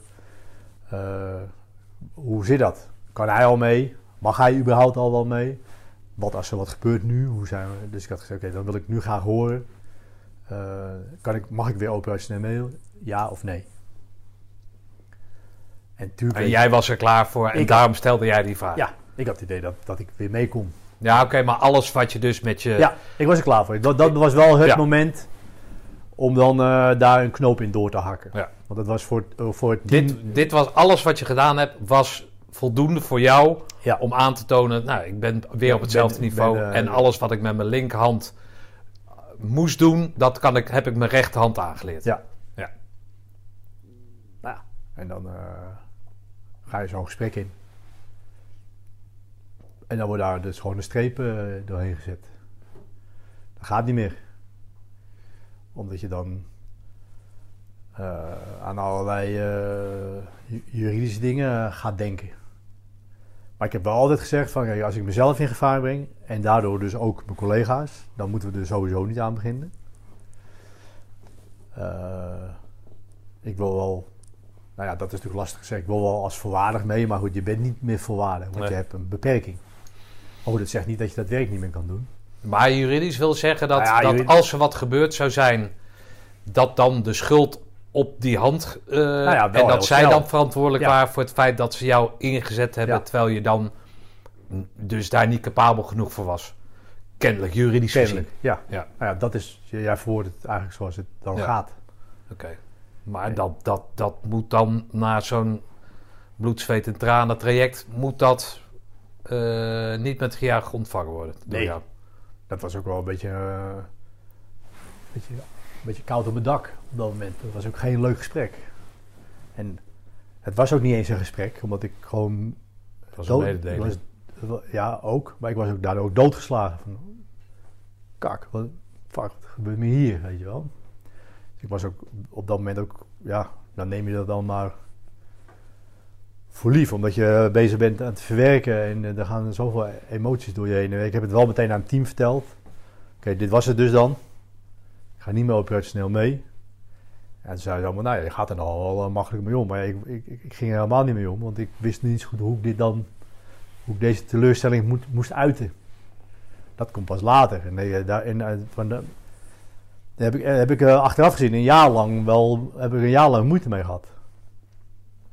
Dat, waar heb je dan moeite mee? Nou ja, je, hebt, je, hebt, je werkt er zo ergens naartoe. En natuurlijk weet je ook wel ergens dat er een, een, percentage is dat je het niet haalt. Alleen ja, dat tikte ik natuurlijk al twee jaar lang weg. Daar wilde ik niet aan denken.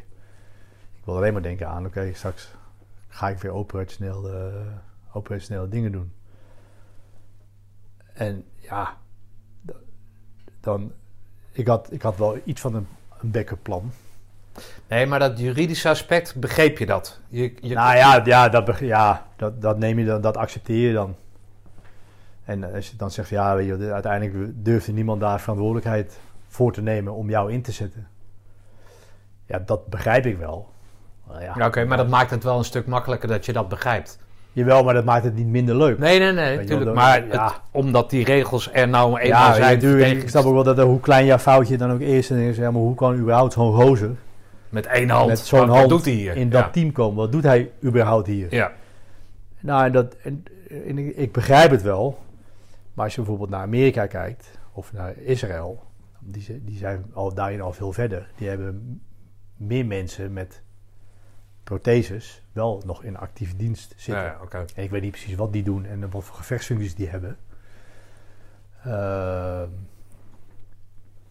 dus ja, ik dacht van ja, weet je, hoe mooi is het dat, dat we als Nederlandse eenheid de eerste AT'er met de prothese voor 98% inzetbaar hebben.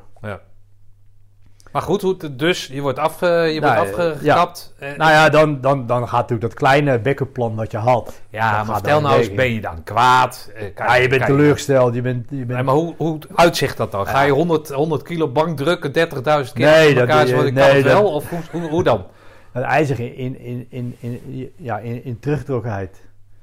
Je komt thuis de bank, je, hebt, je levenslust is weg, je hebt nergens meer zin in. Want je, je, je doel, of je, je, hebt daar zo lang naartoe gewerkt, alles valt even stil. Geef je mensen de schuld? Nee, ik ben daar, daar nooit uh, persoonlijk kwaad op, op, op mensen geweest. Nee, maar gewoon het apparaat zelf. Ja, het apparaat zelf. Verdomme, er zit verkeerde kruid in en weet ik wat. En nou werk ik met twee jaar de ballen van mijn lijf af. Ja. Wees blij dat ik, ik ben blij dat ik die ballen nog heb. Ja. En, en dan wijs je me af. Ja, nee, dat, die gevoelens heb ik daar niet in Nee? gehad. Nee. En dat- ja, en hoe dat komt, dat weet ik niet. En dat is misschien ook wel een beetje eh, hoe ik dan in elkaar zit. Van, ja, als het niet zo gaat, dan moet het dan maar anders. En dan niet te lang stilstaan bij Oké, maar dan de komt, meteen, Maar- dan komt meteen dat bord plan B naar beneden. Of ga je er nog even in zitten? Nou ja, je, je zit er wel even in nog. Alleen je weet ook dat, ja, dat je, je gaat dat niet meer veranderen. Je kan daar niet na twee weken, hey, ik wil er toch nog eens even op terugkomen. Dan kunnen we niet zus en zo. Nee, dat, uiteindelijk is, is, is dat het gewoon. Punt. En Nou ja, maar de twee jaar daarvoor heb je dus bewezen dat je het wel naar je hand kan zetten. Toch? Dat, dat je... Dat ja, je... maar ja, dan zit je in een traject eh, waar ik de enige ben die daar verantwoordelijkheid voor aflegt. Ja, oké. Dat is, dus als je natuurlijk nu, als iemand eh, mij eh, op pad stuurt en er gebeurt wat, stel dat ik in een gevecht raak en ik sla met die prothesehand iemand het licht uit zijn ogen. En hij, hij doet daar een aangifte aan, want dat in deze maatschappij leven we nou helemaal zo. Die doet daar aangifte aan. Ja, ja. Hoe zit dat? Wie heeft dat gedaan? Ja, hij. Eh, waarmee? Nou ja, eh, met die hand. Die niet van Rijkswegen verstrekt is, weet je wel. Zo, zo ga je dan op... Ja, ja, en hoe dus- kan dat? Hoe kan, wie heeft hem op pad gestuurd? Hoe heet die man? nou, dat is hij. Oké, nou, eh, dan nemen we achter we jou verantwoordelijk voor zijn da- daden. bij. Zo'n Ja, soort spel ja. gaat er dan Ja. Ge, Wel zonde eigenlijk, hè, dan. worden. Ja. ja, dat is heel zonde. Ja. En dat is ook jammer. Eh, en ze vragen ook wel eens van, hey, vind je dan niet dat je een dikke worst voorgehouden bent? Ik zeg, nou, nee. Want ik hoop dat ze het oprecht niet wisten wat de Ja. mogelijkheden waren. En ook al hebben ze me wel een worst voorgehouden, het heeft me wel gebracht in die twee jaar Ja, tuurlijk. dat ik er vol voor ging. Ja. En dat ik weer teruggekomen ben wie, wie, wie ik was. En dat ik fit Ja. en mentaal weer sterk was. Dus het heeft me ook wel heel erg geholpen. Ja. ook al wisten hun misschien, nee, hij gaat er toch nooit komen, maar laat hem maar even. Ja. Prima, het heeft mij wel geholpen om weer, om weer terug te komen zoals ik nu in het leven sta. Ja. Maar goed, dus je gaat even, ben je ten neergeslagen, even ben je uit het veld geslagen. Ja. En wanneer, hoe, hoe lang Nou duurt ja, dat, dan bij jou? ik, dat, dat, dat weet ik niet zo goed, maar... Nee, maar is dat drie jaar? Is Nee joh, dat is eh, dat Vijf eh, dagen? Een paar, even een paar weken, misschien een, een, een maand, twee, drie. Zo lang, joh. Ja, zo lang.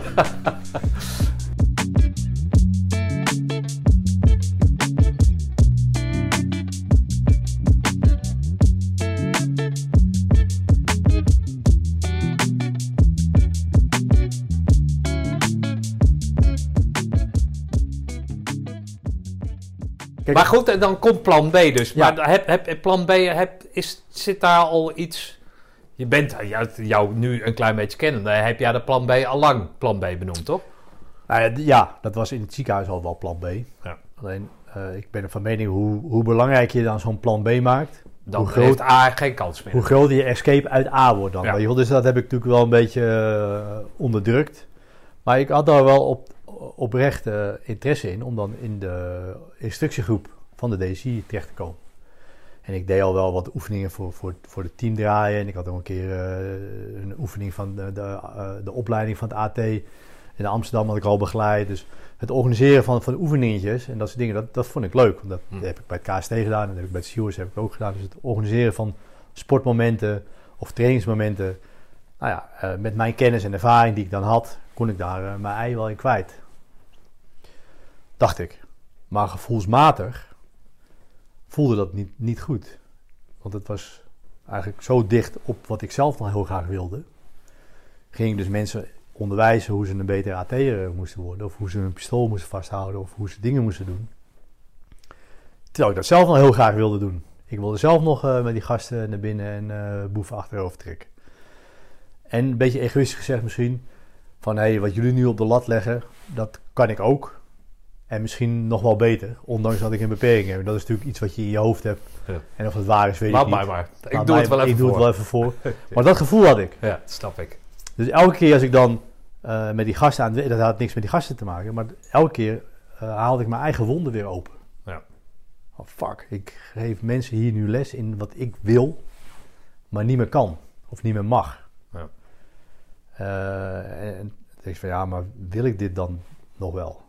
Hm. Dat, dat, die vraag ging, die speelde dan wel in mijn achterhoofd. En het voelde, het voel- voelde li- lichamelijk ook gewoon niet goed. Ik, ik kreeg niet die kick van dat lesgeven en die gasten begeleiden... waarvan ik dacht van, nou, dat, dat gaat hem dan worden. Hm. En dan komt er eh, eh, een, een AT-opleiding op Aruba komt dan voorbij. Dan had ik gezegd van, nou, vinden jullie het goed dat ik daar dan heen ga? Dat vond ze eigenlijk wel een heel mooi, een heel mooi plan. Want Wat, wat doet een AT op Aruba dan? Waarom ja, wordt dat daar... Omdat de, daar Aruba- de Arubanen hebben ook een arrestatieteam Ah, op het eiland. Dus het zijn geen jongens die vanuit Nederland daar dan eh, een team voor. Maar het zijn Arubaanse politieagenten die opgeleid worden tot, Ja, ja, tot, tot teamlid van het arrestatieteam. En die ging je daar onderrichten in het arrestatieteam. Ja, lid zijn. nou ja, dat is een mooie, mooie sidestep. Ja. Eh, even in een andere omgeving, andere mensen. eh, kijken hoe, de- hoe dat is. En het is zo'n leuk tripje, dus het was een beetje en-en. Ja. Eh, en vanuit de DSI zeiden ze van, ja, ga jij dat maar doen. Want dan, hoeven we, dan drukt het niet op onze operationele jongens. Want anders hadden ze er een operationeel jongen heen moeten sturen. Nee. Was het team weer één minder. En, dus het Ja. was aan alle kanten, eh, voegde dat ook. En ik, ik moet zeggen, dat duurde zes weken. Ehm, en in die zes weken eh, waren hartstikke leuk, zes weken. Ik vond ook het lesgeven daar was leuk. En met die gasten was het leuk. En vooral voor mij persoonlijk was het om te ervaren hoe het is. Eh, zolang je dus in je oude eenheid zit, met mijn beperking, blijf je altijd een beetje vechten. Je wil je altijd bewijzen van, nee, ik ben er ook nog, maar ik hoor er eigenlijk niet meer bij. Hoe, hoe is die verhouding op werkniveau dan? Eh, en daar namen ze me zoals ik was. Ik heb daar een keer van mijn verhaal verteld wat er ongeveer gebeurd was. Maar mensen kenden me niet anders dan, dan zo. En daar besefte ik in, hé, hey, weet je, ik, ik heb dan wel een handicap, maar mensen die niet weten, weten. Die, en ook je verleden niet weten, die accepteer je dus wel gewoon zoals Rem als een mens zijnde is. Dus in die zes weken op Aruba heb, heb ik wel heel veel geleerd om naar mezelf te kijken, maar ook hoe mensen naar me kijken. En dat het eigenlijk allemaal niet zoveel uitmaakt hoe je eruit ziet of hoe je bent. Maar dat mensen je dus accepteren zoals de mens is op dat moment. Is het zo? Nou, zo heb ik dat wel ervaren. Ja, nee, maar ik bedoel, jij wordt daar als specialist heen Ja, gebracht. maar die dingen die ik vertelde, Ja. dat, dat, eh, dat, eh, hoe noem je dat, dat eh, sloeg aan. Want dat was ook, dat was ook de, de, de onderrichting ging goed. Ja, Maar als je daarna... maar je zit wel in diezelfde wereld. Dus ja, maar als je daarna bijvoorbeeld... eh, dan gingen we natuurlijk eh een sapje doen. drinken. Naar een beach drinken eh, Ja. in de plaatselijke beachclub. En dan kom je dus ook mensen vanuit het eiland tegen. Ja, die, die zien jou en die zien jou dan zoals je op dat moment bent. En dat, dat bedoel ik dan te zeggen. Maar ook die jongens Ja, ja, oké. vanuit, vanuit daar in die wereld, eh, die zien dat ook. Omdat ze je niet ander, ze kennen je niet beter. Ja. En dat was dan wel een bevestiging voor mezelf. Oké, ik mag er nog best wel zijn. Weet je wel? Hm. Dat, eh, ook daar twijfel je natuurlijk, eh, of daar heb ik ook aan getwijfeld. Had jij dan de, de, de, je prothesehand aan of, of eh, liep je daar bloot, Nee, zeg maar? Bloot, zo, ja. Oké. Ja.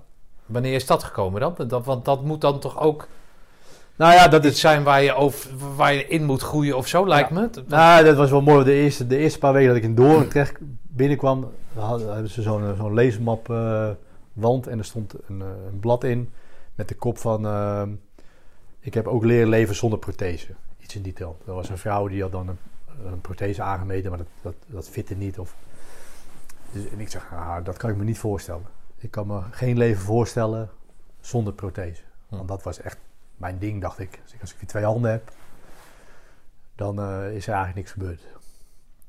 Ja, ik had die twee handen nodig om dat werk weer te gaan doen. Dus dat was eigenlijk dat was ook mijn reden. En eh, die hand moest ook zo, zoveel mogelijk functies hebben.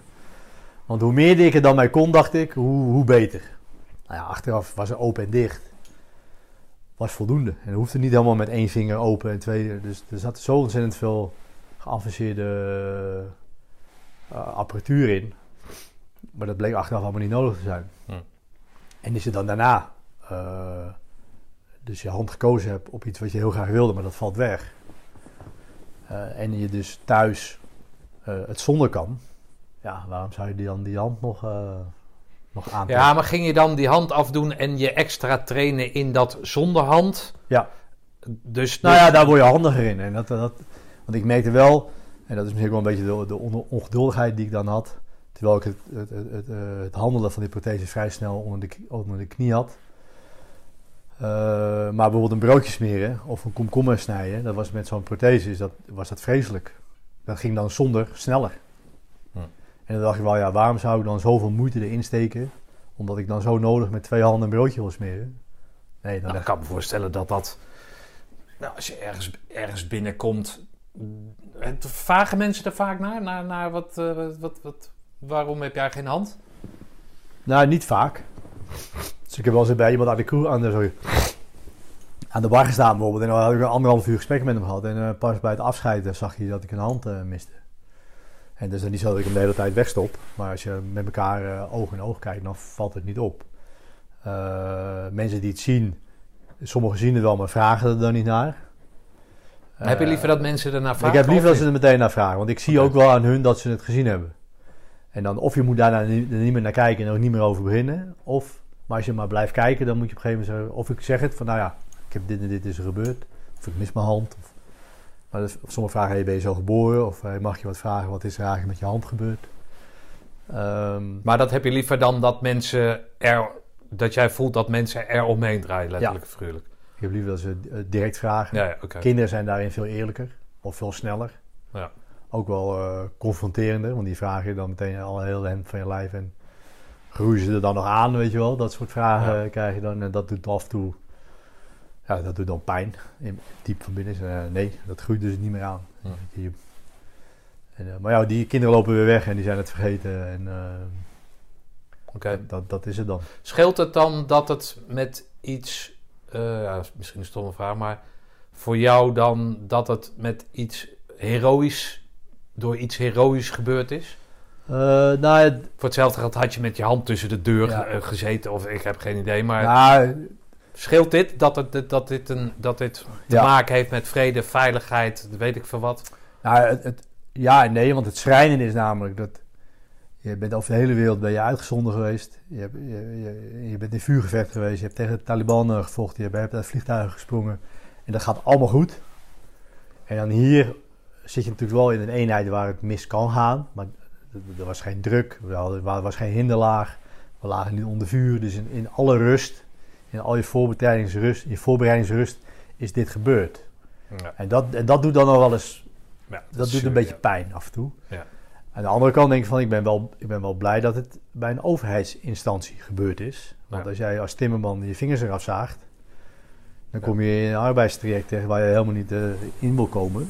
En, ehm, eh, of in ieder geval wil ik zeggen dat het, ben, ben- als het dan gebeurt, dan is het mooi als het binnen diensttijd gebeurt. Want dan is het een dienstongeval. En Ja. dan is het, en is het natuurlijk eh, Ja, dan hebben we het puur over de financiële puur over de financiële en de juridische handelingen. Dus, Ja. dus ja, wat je zegt, is het ironisch? Nou ja, nee, eigenlijk niet. Want dan had ik het liever eh, op een uitzending gehad. In, in, in, een- maar ja, dat is een beetje een raar... raar Ja, nee, het is een raar... raar Nee, het is geen rare vraag, Nee, maar, maar dit- dit- dit- je kan het niet vergelijken. je- nee, je kan het niet vergelijken, maar het voelt aan allebei de kanten ook... Aan de ene kant voelt het ook wel goed. Want juist omdat het in alle rust gebeurd is... en dus niet vooraf al een heel erg stressvolle situatie geweest is... dat je toen al had moeten vechten voor je leven omdat je onder vuur lag... of dat je een maatje kwijt bent geraakt... Ehm, eh, kan ik er ook op een hele rustige manier naar terugkijken. Ja. En de enige die dan zwaar gewond is geraakt, ben ik zelf. Wel, ik denk ook dat het anders was geweest als die collega van mij eh komen te overlijden was geweest. Dan had ik daar heel erg schuldgevoel over gehad. Ook al was het op dat moment niet mijn fout, Ja. maar wel door mijn toedoen eh, ben ik een collega verloren. Dus wel, als je het zo dan zo een beetje vergelijkt, dan. En daarmee wil ik niet doen dat, dat het niks is, maar je Hm. probeert altijd wel een soort gradatie eraan te geven van eh, het had allemaal nog veel erger gekund. Oké. Eh, Hey, maar jij gaat dus het liefst naakt door het leven? Ja. Naakt in ja, ja, van letterlijk je- figuurlijk hoor. Ja, ook, wel gewoon. Zijn er, nog, zijn er nog situaties waarin je die hand dan gebruikt? Waarin het dus handig is, omdat jij het had over die vele functies die dat dan eventueel, eh, eventueel heeft? Of eh, eventueel, dat, dat, dat die veel functies heeft? Nee, want eigenlijk eh, heb ik het me zodanig aangepast. Kijk, het voordeel is dat ik gewoon nog best wel, ik kan, nog, ik kan, ja, ik zeg altijd met beide handen, maar ik, ik kan nog dingen, dingen pakken en, en kratjes tillen en dingen duwen. En, dus het enige wat ik echt mis is een grijpfunctie. Maar die is in je dagelijkse hoedanigheid eh, zo, in mijn geval, zo klein dat ik die hand daarin niet echt mis. Ja. En dingen die waar ik op het moment dat ik hem wel mis, kost het eigenlijk te veel moeite om dan je hand aan te trekken. Stel je voor, je wil. eh, hebt een bak, je hebt een, je hebt een, pan, een steel, steelpannetje met melk, je bent dat aan het roeren. Ja, dan is het wel lekker dat je het steelpannetje vast kan houden en Ja. dan roeren. Maar ja, moet ik dan daarvoor helemaal hand uit de kast halen, ding aantrekken, dan doe ik, probeer ik het op een andere manier. Ja, ja, Ik je heb- gaat natuurlijk steeds Je verder wel- je aanpassen aan de omstandigheden. ja, Maar dat komt in eerste instantie doordat je afscheid neemt van die hand, toch? Ja. Want als je daarin blijft, blijft schipperen, dan, dan kom je nooit tot, tot de Nee, juiste... nee, je, je, je neemt daar min of meer afscheid van, omdat ik. Eh, misschien is het ook wel als, als ik hem aan heb, dat het ook nog steeds heel erg confronterend is. Je voelt dat je dat ding aan hebt, je, je werkt ermee, je, je moet, je moet er je inspannen om met dat ding te werken. Dat, dat kost moeite. Eh, en dat ding is ook best wel zwaar. Dus als ik nu de hele dag dat ding aan heb, dan heb ik de hele dag. Soms vergeet ik wel eens dat ik iets mis. Of dat, dat het er niet is. Nee. Tot het moment dat ik iets wil pakken, denk ik, oh ja, wacht even. Ja. Maar als je de hele dag die prothese draagt, dan word je dus ook een, altijd maar aan, aan herinnerd dat je een prothese draagt. Misschien is dat ook wel een beetje waarom ik hem op een gegeven moment weg heb gelegd. Hey, ik ga het vanaf nu zonder doen. Of in ieder geval zoveel mogelijk. Ja. En als dan dingen lukken, eh, ja, dan is dat prima. Alleen waar ik me nu af en toe een beetje zorgen over maak, ja, dit lukt nu nog. Weet je, ik ben nu nog gezond en lenig en, en, en, een, en een riem omdoen met één hand of mijn knopen dicht van mijn blouse met één hand, dat lukt nu allemaal. Maar straks, over 20 jaar, ik uh, halverwege de 60 ben, hoe, eh, hoe gaat je, dat je dan? hebt Joyce toch? Ja. Nou, die heeft tot nu toe alles voor je Ja, gedaan. Dus om- eh, het zal toch niet zo zijn dat zo... Nou ja, ja, dat- het wordt nu tijd dat je alles zelf eh, dat- maar ja, dan moet ik hulp gaan accepteren. Ja, oké, maar dat heeft iedereen op die leeftijd. Jij misschien iets meer, hè? maar jij weet in ieder geval door die hand. Je kon al improviseren, maar nu wordt er continu Ja. wordt er op Ja. jouw improvisatietalent wordt er geleund, toch? Door ja. jezelf. Ja, nee, ja, zeer zeker. Ja. Want dingen die Als jij al iets ziet, kan ik me zo voorstellen, en je hebt daar twee behandelen, dan ben jij al bezig van hoe ga ik dat aanpakken, toch? Ja, dat, ja zeker. Dat, dat was vorig weekend zijn we met een familieuitje naar een klim, eh, onder andere naar een klimbos geweest. Oké. We gingen pannenkoeken eten en toevallig was daar een klimbos. En eh, mijn neefjes en mijn kinderen zeiden, ah pap, dat willen we doen. En nou ja, ik zeg, ik heb in mijn, in mijn revalidatieperiode heel veel gedaan en ook heel veel hindernissen gelopen. Maar ik denk zo'n klimbos en ik zag die hindernissen een beetje. Ik denk, ik, ik weet niet of ik dat kan. En toen dacht ik bij wat zeg je nou eigenlijk? Dit is helemaal niet hoe jij bent, weet je. Ja. Maar je hebt ook wel een beetje een bepaalde berusting op een gegeven moment. Van waarom, waarom zou ik dat nog doen? Maar Je zit vast toch in zo'n klimbos? Ja, natuurlijk zit je vast. Dus ik heb het ook gedaan. Ja. En de zwager zei ook van ja, ik, wat, ik was teleurgesteld als je het niet gedaan had. Nee, inderdaad. Maar ja, daarin heb je wel, bij- wat ik er eigenlijk mee wil zeggen, is dat je elke hindernis die je daar tegenkomt, die met twee handen zo vanzelfsprekend is. En in die denkfase zit ik ook nog. Ja, denk je dat nog? Zit je dat Nou nog? ja, juist, best wel. Ik van oké, normaal had ik dus, dus zo gedaan. Dus hoe doe ik het dan nu? En dat, pas je, je- en dat is dan je improvisatievermogen en je kracht, dat je je heel snel daarop aanpast.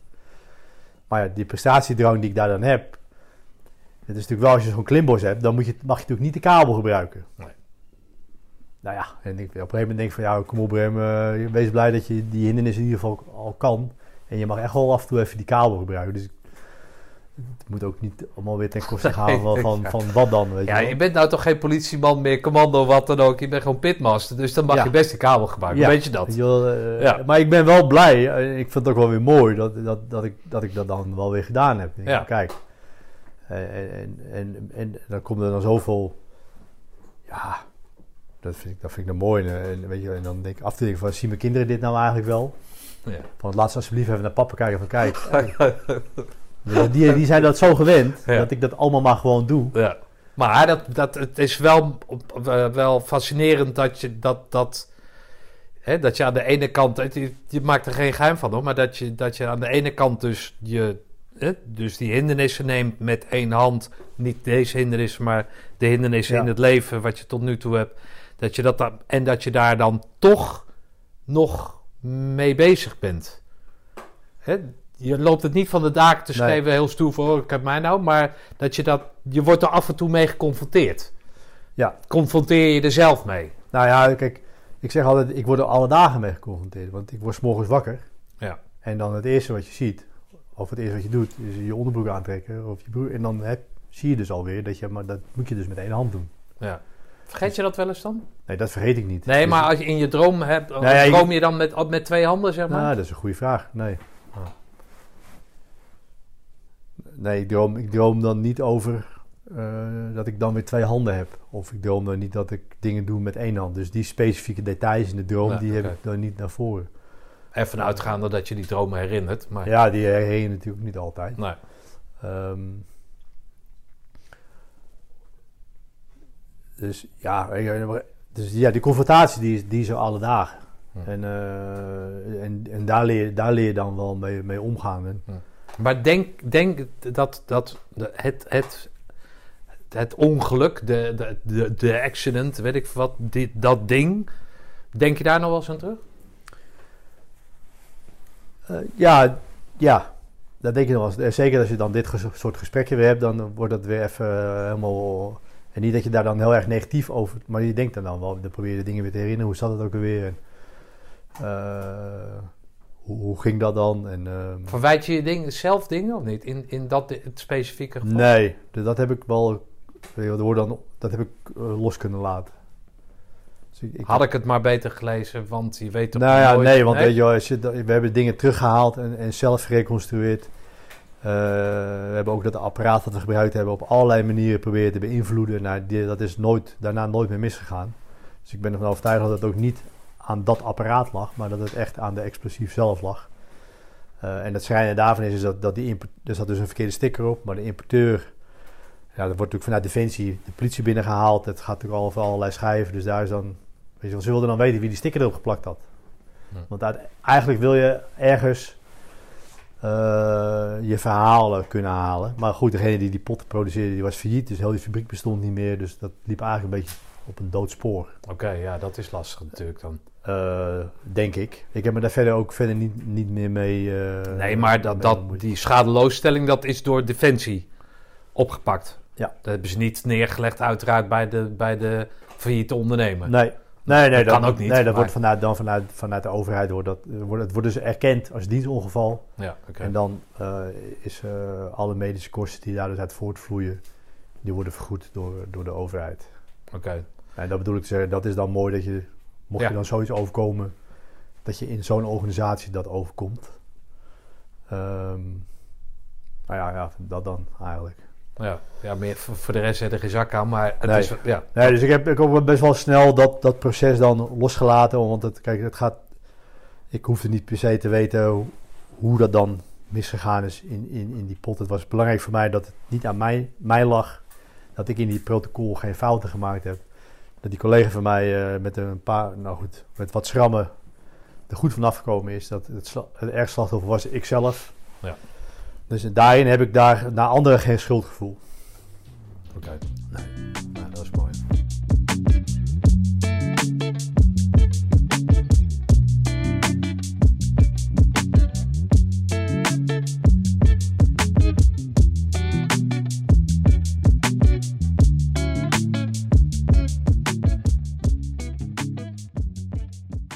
Als ik zeg eh, eh, Henk Heesakkers, wat, wat, wat, wat, zegt, wat, wat zeg jij dan? Nou, ja, Henk Heesakkers, dat was mijn eh ECO-commandant. Oké. En eh, volgens mij in een van zijn laatste jaren, volgens mij is hij een paar lichtingen daarna is hij weggegaan. Maar de meest rokende ECO-instructeur die ik, wat ik me nog kan herinneren. Ja, maar dat was wel een karakteristieke figuur in mijn commandoopleiding, ja. Ja. Hoe kwam jij daar binnen in Roosendaal? Als, als spijkerbroek? Of, of? Nee, ik kwam er binnen als, eh als sergeant eh. Oké. Want eh, ik heb het CIO's gedaan, hoofdkeusvak eh, buitensport. En vanuit, eh, die, die, eh, dat, vanuit die keuze wilde ik eh sportinstructeur worden binnen Defensie. Oké. Dus ik ben vanuit het CIO's eh, eh, naar de KMS gegaan. Kom je uit militair, militair geslacht? Of, of? Nee, helemaal niet eigenlijk. Oh, dus die, ja, die, wanneer ik dat ontwikkeld heb, om die, die interesse is er wel altijd geweest. Maar dat komt misschien ook wel omdat mijn vader, die komt vanuit de oorlog. Die heeft de oorlog meegemaakt als achtjarig eh, kind. Dus daar werden wel wat verhalen over verteld. Eh, ja, als, als jonge jongen speel je, tenminste dacht ik altijd, speelt iedereen wel een keer een oorlogje. Of iedereen vindt het dan wel leuk of interessant om militair te zijn. Eh, en bij mij heeft dat, heeft dat wel die interesse altijd wel, is er altijd wel geweest. Ik heb ook fotoboeken van de Eerste Golfoorlog. eh ging ik krantenknipsels van, van vliegtuigen en tanks knipte ik dan uit. Dus die interesse voor, voor, voor militair materieel, die is er wel altijd geweest. En waar dat precies vandaan komt, dat weet ik niet. Ja. Zo zijn jongens die van mooie sportauto's houden. Ik vond het, die, dat leger vond ik wel... eh, maar dat sporten, dat komt ook niet vanuit jouw familie. Dat was gewoon puur een eigen keuze of eigen interesse of, of, Ja. of wat dan. Wat voor gezin kom je eigenlijk? Eh, nou, ja, dat is een goeie. Niet uit de sportgezin in ieder geval. Nee, mijn ouders die hebben elkaar leren kennen in, eh, in Rotterdam. En mijn vader was, eh, is zeeman geweest. En daarna ging, kwam hij in de, de bronsgietwereld terecht. Dus hij maakte, hij maakte beelden en hij goot beelden. De familie Joosten is dat. Als zijnde kunstenaar of Als- als, zijnde vakman in dat gieten? Nou ja, beide. Dus hij, Ah, hij, hij, hij ontwierp zelf, hij maakte zelf beelden. Maar hij deed dat ook als, als, als schieterij. Goot hij beelden voor, voor andere mensen. Oké. Zwaar werk, hè? Zwaar werk, ja. Ja. Heel zwaar werk. Eh, die, die tijd heb ik niet bewust meegekregen. Eh, mijn ouders zijn eh, met, met, met, met een groep in die tijd. Ik kom uit 78, dus ja, die jaren daarvoor.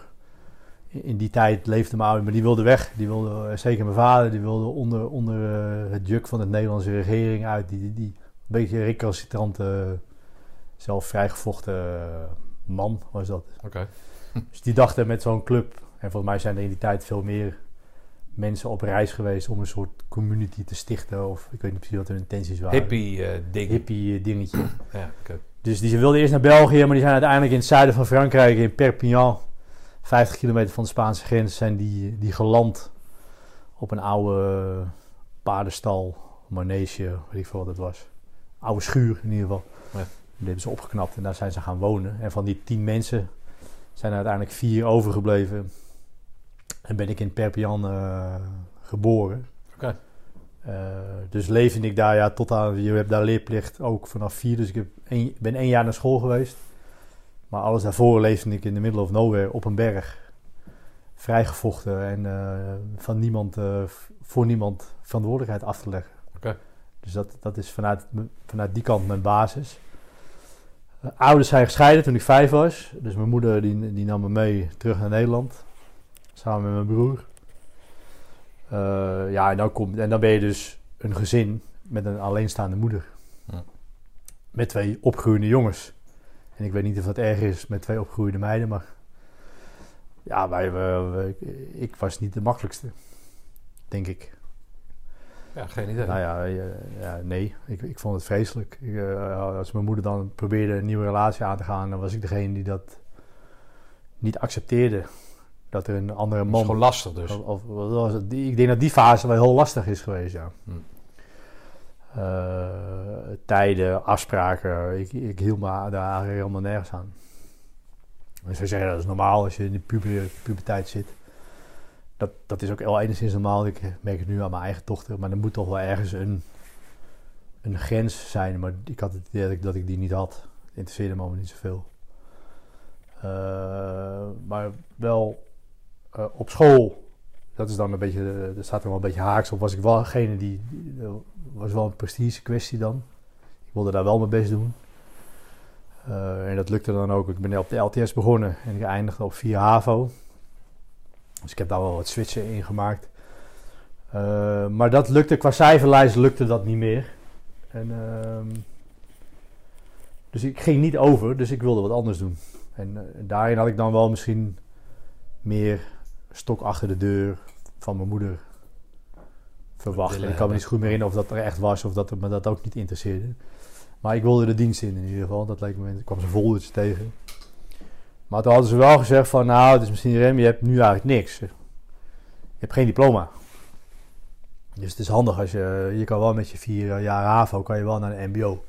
Dus het is handig om in ieder geval je mbo-diploma te halen. En zodoende ben ik gaan kijken van, nou, wat, wat zijn nou leuke mbo's? En toen kwam ik het CIO's, eh, zo ben ik op het CIO's terechtgekomen. Ja. En niet dat ik zo'n uitmuntend sporter was of zo. Ik had wat een paar jaar vroeger gevoetbald. Ik had eh, wat basketbalervaring en eh, ik had een paar jaar geturnd. Dus ja, dat was dan mijn sport. Maar niet met een bepaalde ambitie. nee, eh, helemaal niet. Nee hoor, ook Ah, gewoon, gewoon lekker op zaterdag, zijn. zaterdagmiddag lekker bezig zijn. Maar wel, eh, ja, dus dan kom, je in, een- dan kom je een beetje in die sportwereld eh, terecht. En goed, het CIO's is niet alleen maar sport. Er zitten ook eh, wat andere dingen aan, aan vast. Dus ik heb natuurlijk allemaal met sport te maken. Maar je kan ook daar de, de hulpverlening in, vanuit daar de hulpverlening in voor mensen met een lichamelijke beperking bijvoorbeeld. Hm. Maar ik vond dat, ik, je kon dan het eerste jaar is dan een, een kennismakingsjaar en dan in het tweede jaar kies je je keuzevak. En toen vond ik de buitensport wel mooi. Ja, ging je avonturen beleven. Ik was wel op zoek naar avontuur. Dat was dat Perpignan dingetje. Ja, dat komt daar dan wel weer in terug, denk ik. Ja. Eh, en tussendoor ben ik, ben ik, heb ik ook wel contact gehad met mijn vader. En ben ik daar ook wel een keer geweest. En, dus ik wist wel een beetje zijn levensstijl. Eh, maar dat ik vertelde dat ik militair ging worden, dacht ik van, nou ja, bij mijn nieuwe hoe die dan daar... eh, Maar had hij nog enige invloed op? Of, Nee, helemaal, nee Niet? helemaal niet. Ja, dusdanig. Eh, de rol die hij had, dat was ook geen, geen, geen vaderrol. Hm. Zeker daarna niet meer. Het was gewoon, het was biologisch mijn vader. Ja. Eh, en het was een interessante man. Ik noemde hem altijd een beetje de, de donkere shot van de familie. Maar dat was er dan ook. Hm. Dus nee, als hij, het niet, als hij het niet leuk had gevonden, had hij, had hij me niet kunnen weerhouden, laat ik het, eh, laat ik het zo zeggen. Maar hij vond het eigenlijk wel mooi dat ik dat ging doen en dat ik daarna vertelde dat ik op uitzending ging. Dat, dat vond hij ook wel mooi. Want hij, dan, maar goed, dan sloeg hij weer terug naar, naar, naar, naar, de bezettingstijd met de Duitsers. Eh, en hij zag er nu ook van, oké, je gaat dus vechten voor vrede en veiligheid. En dat vond hij dan wel een mooi goed. Ja. Eh, Dus daarin werd ik, werd ik daar door hem wel in gesteund. Ja. En, Maar goed, dus je, vanuit SIOS ga je dan dienst in? Ja. Als dienstplichtige? Nee, de dienstplicht was... eh, volgens mij ging ik 2000 ging ik de dienst in, vrijwillig. dienstplicht was volgens mij in 98 was- wel een beetje afgesteld. Dat vond ik wel jammer. Want ik had wel die oproepbrief nog gekregen van... nee, je wordt er dan en dan verwacht. En eh, toen was hij eigenlijk al... eh, wa- was het niet meer nodig. En ik had, ik had gevoelsmatig die periode wel heel graag mee willen maken. Maar goed, die ging dan nu alsnog ging die aan als, als beroeps. Ehm, als sportinstructeur binnen, binnen Defensie. Dus dan ga je naar de KMS in Weert. Eh, een versnelde sergeantopleiding, omdat je dan geen gevechtsfunctie hebt. Hoef je niet die complete opleiding te doen, maar ik weet niet eens meer. Eerst je AMO en dan nog een versnelde eh sergeant, sport, sergeant sportopleiding. Vervolgens dan naar Amersfoort voor de sportopleiding zelf. Maar in die AMO was, vond ik het wel heel gaaf om die militaire dingen te doen. Dus eh, jezelf eh, sminken, het pak aan zich, het bos in, s'nachts werken, eh, allemaal dat soort dingen. Dus ik bloeide daar wel in op, omdat ik gewoon dat, dat buitenleven wel, wel mooi vond en dat lag me ook. Dus toen hadden ze al wel gezegd vanuit het kader van, eh hey, eh, als commando worden niks voor jou, want je, je- we, zien, we zien jou plezier hebben in, in dat groene werk. Ja, toen wist ik helemaal niet wat een commando was. Ja, had een groene beret, maar wat die precies deden, Ja. geen idee. En toen hadden we wel een pelotons adjudant, dat was een commando. Die liep daar ook met zijn groene beret. En eh, die kreeg dan te horen dat ik misschien wel interesse had. Dus oh, jij wil commando worden, weet je, wel, je weet hoe het gaat. Ik zei ja, misschien wel, maar nu nog niet, want ik ga voor de sport. Maar ja, zijn, zijn beret, dat was wel een beetje een gekreukeld dingetje wat hij op zijn hoofd had. Dus ik, mijn, mijn, mijn, mijn, mijn, beeld van de commando was dat altijd alles klopt hè, bij, bij zo'n man. Dus ik zei wat tegen mag ik u wat vragen? Die beret die u draagt, dat gaat eigenlijk helemaal nergens over. je mag dan wel commando wezen, maar... Nou, dus die andere, die maat van me zei, "Ah, wat doe je nou? Wat zeg je nou? De dag daarna had hij wel een andere beret op. Oh ja? Oh, wel mooi. Dus eh, hij... Weet je zijn eh, naam nog? Nee, ik weet zijn naam. Oh. Ik heb hem proberen hem wel terug te halen, maar ik weet zijn naam niet meer. Maar. Dus ja, de- de- toen hadden we wel, de, de interesse was wel, was wel gewekt. Alleen ja, ik heb dat naast me neergelegd en Hm. ik wilde heel graag sportinstructeur worden. En ook eh, aan het einde van die opleiding, sportopleiding, dan eh, worden de, de, de sportplekken verdeeld. En dan krijg je een lijst met eh, op welke kazernes waar dan plek is. En volgens mij was er één plek in Roosendaal en twee plekken in Ermelo. En ik woonde toen nog in Heerenveen. Ja, ja, er is wel plek in Roosendaal, maar ik had daar nog helemaal geen, geen gevoel bij. En Ermelo is lekker dichtbij, vanuit Heerenveen. Hm. En in Ermelo zat het schoolbataljon en eh, de 400 GNK zat er. En ik zou dan daar instructeur worden van het schoolbataljon. Dus mooi eh, die jongens eh, de AMO begeleiden en dan af en toe wat lesgeven aan eh 400 GNK. Nou, dat schoolbataljon, dat, dat, 400 GLK, wat is dat? de geneeskundige, Ah, oké. geneeskundige Ja. jongens en, en, en heel veel meiden eigenlijk. Ehm, maar het schoolbataljon, dat, daar kon ik, daar waren ook gewoon allemaal, ja, allemaal jonge, jonge jongens en meiden die, die gekozen hadden om militair te worden. Dus die kon je wel, Die wilde wel. die wilden wel, dacht je dan. Ja. Alleen in mijn optiek wilden ze nog niet genoeg. Hm. Althans, ik kon mijn, mijn, mijn militaire euforie die ik had, die ik op hun wilde botvieren, die, die sloeg niet over. Ik denk, ik, ik, dat kan nog meer. En toen kwam er een nieuwe, een nieuwe, een nieuwe sportinstructeur, de lichting na mij kwam binnen en die zei, ja, er is nu geen plek bij het KST, maar zodra er plek is, dan ga ik erheen, want ik wil eh, commando worden, zei hij. Zei, nou, leuk voor je, joh, dat Ja, moet je ja, dan weten. vooral, eh, Ja. vooral doen.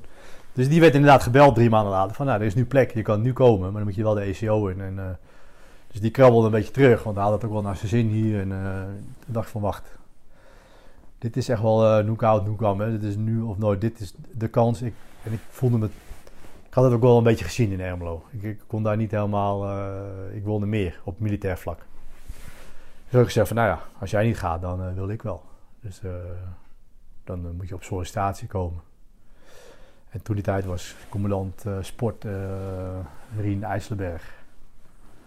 Dus ik ben naar Roosendaal of naar Berg op Zoom zaten ze toen omdat die kazerne werd verbouwd. Gesprek gedaan. En zeiden ze, nou dat is goed.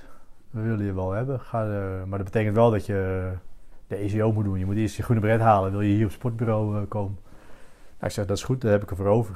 En zo ben ik uiteindelijk drie maanden daarna dat ik ja had gezegd. Even kijken, wat zijn de eisen? Oké, dat moet ik lopen, dat moet ik opdrukken, dat moet ik... eh, en dat kon ik. Dus kom erop. Oké. Maar totaal geen idee wat de ECO inhield of wat de VO inhield. En dan laat staan... eh, Goed, jouw voordeel is dan op dat moment dat je al beroeps bent. Ja.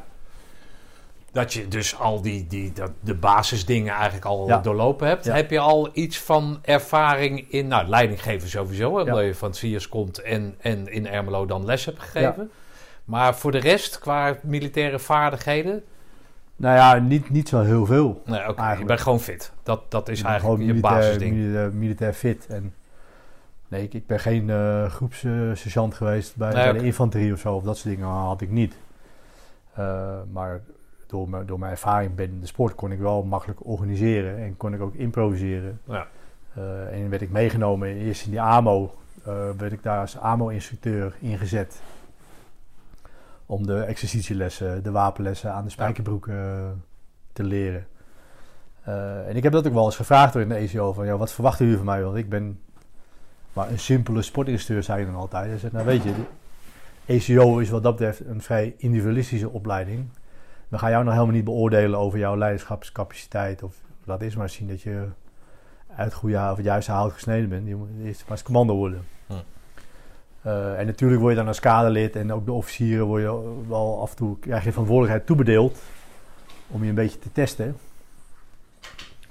Eh, maar je wordt daar nog niet als leidinggevende beoordeeld. Tenminste, zo heb ik dat nooit op die manier Nee, ervaren. Ik Werd je nog extra aangepakt door die sportinstructeur? nou, dan? dat had ik altijd wel gedacht en daar hield ik dan wel rekening mee. Eh, van dat ze zullen me geheid her en der wel eens even testen. Maar het enige keer wat, wat ik denk van, nou ja, dit zou een test kunnen zijn, is dat ze me 200 meter touw hebben laten opschieten. Dus netjes Ja. op. Maar ja, ik denk als dit het is, dan, Ja, dan Ja, moet je dus- met meer komen. dan moet je met meer komen. Wil je Ja. echt. Dus ik heb, ik heb het dat op die manier nooit, nooit zo ervaren. Ik weet ook niet of dat dan aan persoon ligt. Eh, ik heb misschien ook wel nooit eh, de, de behoefte gewekt aan de sport om mij eens te testen. Ik weet je, wat ik liet Ja. zien was misschien al voldoende. Ja. Weet je wel, zoiets. Weet je wel, als je natuurlijk een beetje een grijze muis, zoals dat heet, bent, dan snap ik dat ze je een keer naar voren halen en oké, laat dan maar zien of doe eens dit. Eh, dus nee, ja, ik, ik, ik deed daar mijn ding waarvan ik dacht dat het goed was. Hm. En dat was goed. Oké. Ja. Maar even terugkomend op, eh, op eh, eh, Henk Heeshakkers. Wat, wat voor een rol heeft hij dan afgezien van het feit dat hij natuurlijk verantwoordelijk is voor het afleveren van, die, van die kerels? Wat, wat, wat heeft hij Ja, voor dat was wel op jou gehad? Ik, kan me niet alles meer bewust naar boven halen, maar hij was natuurlijk wel van dik hout zagen met planken. En wij waren dan de winter-ECO in 2002. En de Wind hon- ECO staat voor? Nou, dat, dat het in de winterperiode waren. Oh, tijd winter. waren Oh, winter. wa- Ah, waren er twee, Ja, ja. Twee ECO's per jaar. Ja. En wij waren dan toevallig de winter. En natuurlijk is dat de zwaarste winter geweest ooit. Nee, dat heb ik wel gehoord. dat zeggen inderdaad. natuurlijk alle. Maar Ja, had Henk het ook nog Ja, over. daar denk ik ook over. Maar die zijn handschoenen. Wij gaan geen handschoenen dragen. Weet je wel. Dus ja, dan liep je met zulke dikke opgezette klauwen rond van de kou.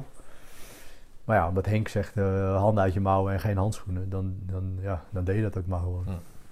Was hij de belichaming voor, voor- voor- van een commando in jouw ogen? Of? Nou, hij was wel de lichaam van een, van een, een- een- hoe noem je dat, een afgestompte eh, commando en niet zeiken maar doorgaan.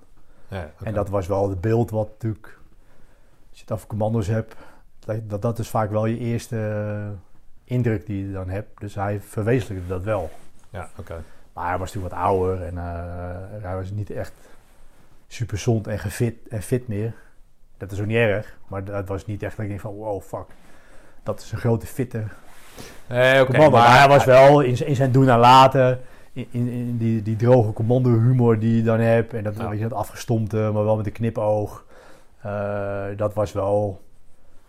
Zo, dat, dat maakt, dat, hij, hij bracht daar wel sfeer in. En, eh, Nou, zijn taak natuurlijk ook zijn als taak commandant ook als commandant. Dus die, Ja. die vervulde hij natuurlijk met verve, zeker. Ja, ja, dat kan ik me voorstellen. Als je dan in Amsterdam was geweest en dan heb je zo'n zo'n vaardigheidsparcours.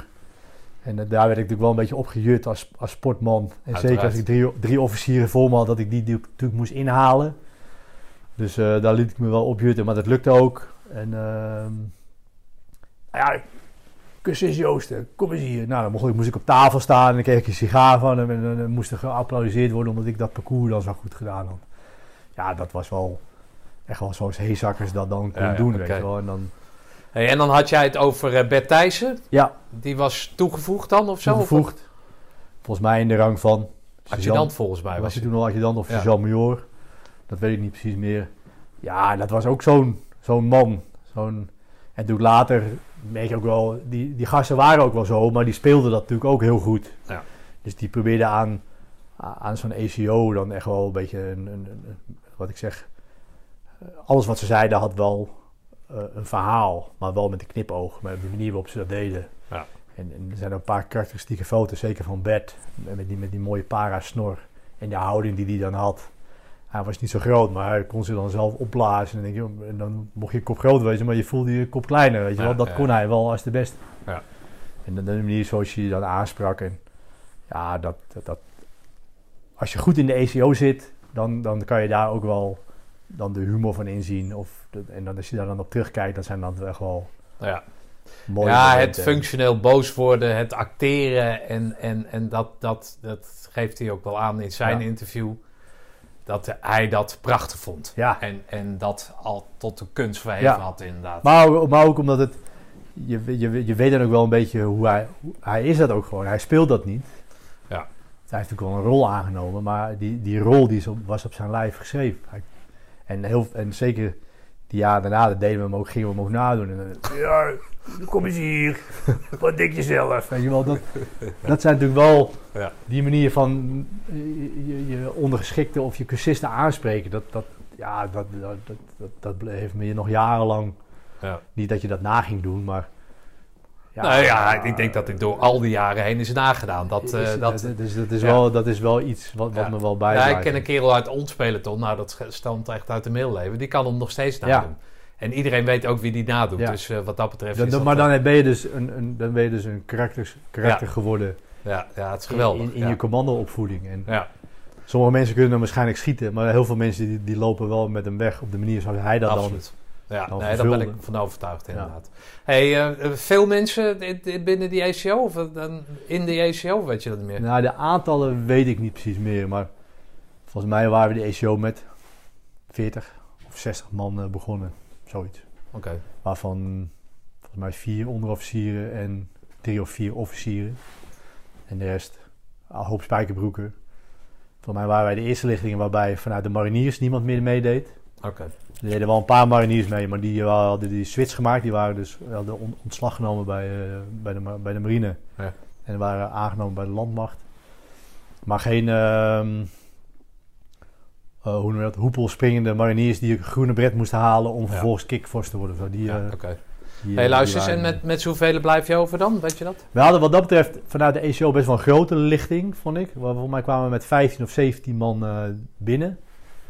Eh, dan valt er volgens mij nog wel wat af in de VCO, even goed nog. Dus de voorgezette commandoopleiding. Ja. En uiteindelijk in de compie zijn er ook nog een aantal eh, toch nog te licht bevonden. En alsnog weggestuurd eigenlijk. Oké. Dus- Ja, dat heb ik dan toen gehoord inderdaad, dat je daar dan...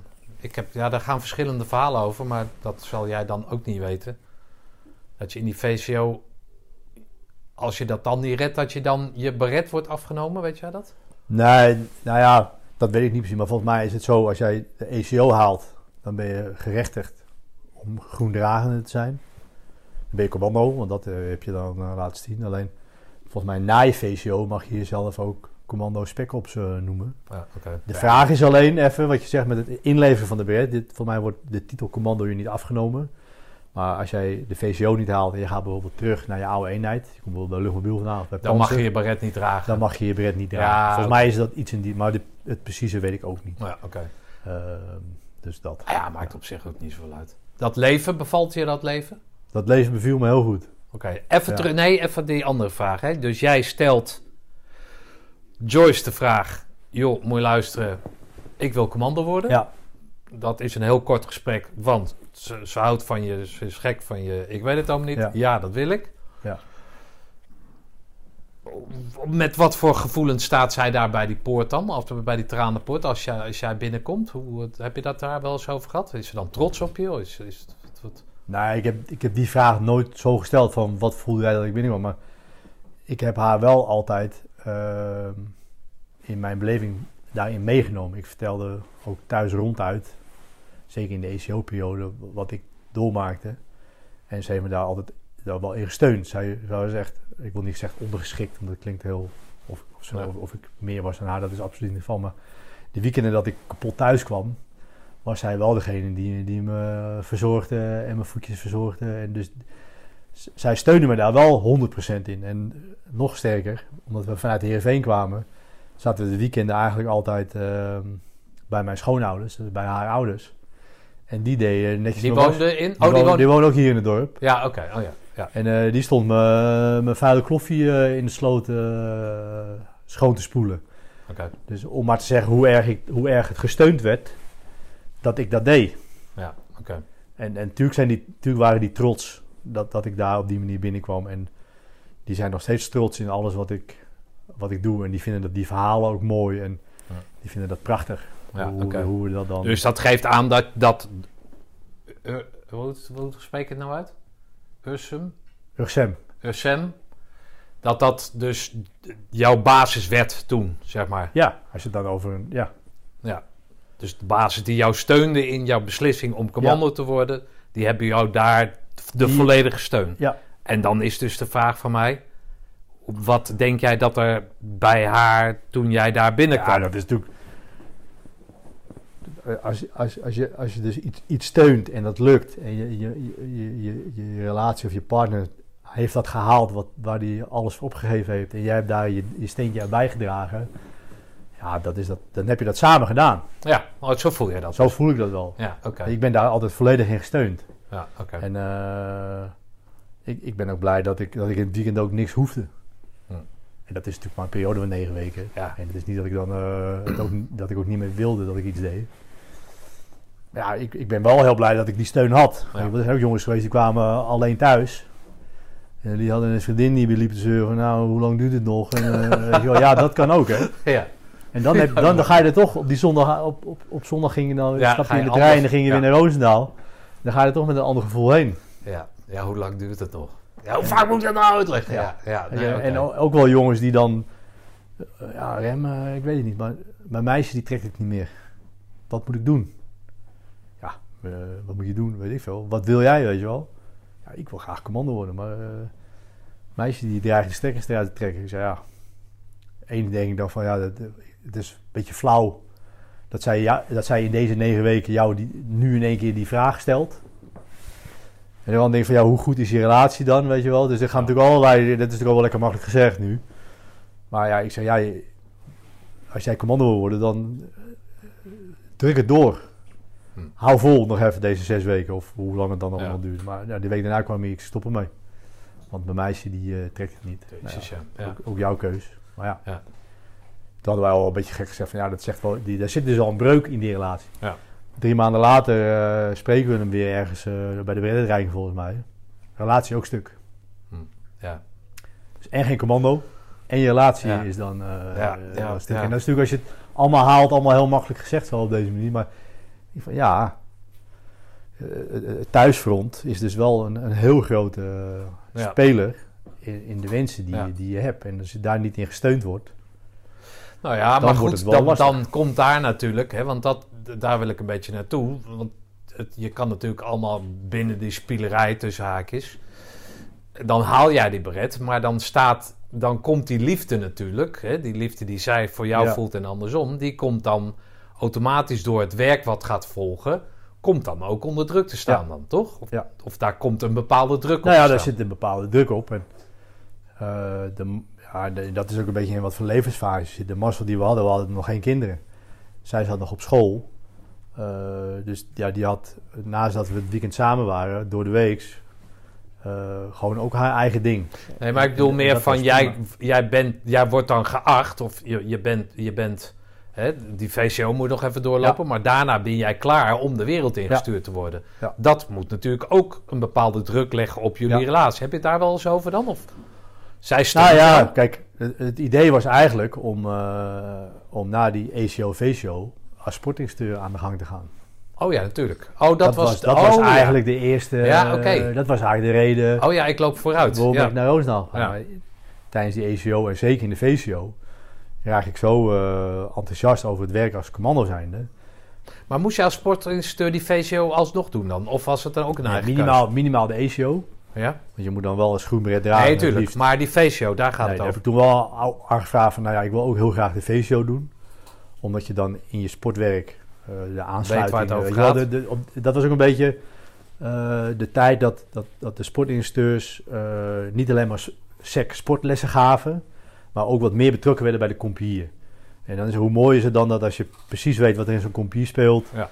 eh, dat vanuit de sport ook mee kan dragen. Dat je niet meer als eh, sportspier gezien wordt, maar eigenlijk gewoon als commando die je dan toevallig een sportles geeft. Ja. Dat was een beetje die, die omslagperiode. En zo zag ik het ook.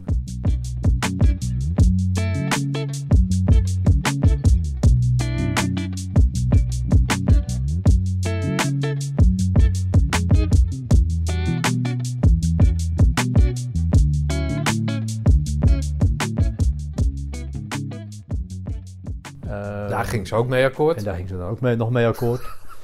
Eh, ja, en op een gegeven moment zeg van, ja, maar ik wil gewoon operationeel ook. Nou ja, ik weet niet precies wat voor gesprekken dat geweest zijn, maar er zullen waarschijnlijk maar één of twee gesprekken geweest zijn. Want ik wilde dat. Ja. En dan heb je het niet over uitzendingen en eh, dan heb je het niet over eh 40 of 30 weken in het jaar weg. Dat, dat komt dan allemaal erbij. Dat zag zij ongetwijfeld aankomen natuurlijk. Dat, dat, nou ja, dat, dat, dat, dat, dat weet ik niet of ze dat aan zag komen. Maar op een gegeven moment zit je er middenin. Ja. Want nogmaals, ik wist ook niet zo goed wat dat, wat dat werk precies inhield. Oh, Ik was wat dat betreft best wel een leek. Want het internet kwam ook net, een beetje in opgang in die tijd. Dus ik, heel veel jongens hadden zich enigszins ingelezen wat zo'n ECO dan inhield. En in welke week we wat gingen doen. Dus oh ja, volgende week Amsterdam. Oeh, nou, dat wordt zwaar. Ik had geen idee waar we heen gingen. Ik zeg, zie het wel. En elke week is een nieuwe week. En eh, die eindigt eh, op vrijdag met een Ja. beetje mazzel. Maar goed, jullie gingen toen al op uitzending, toch?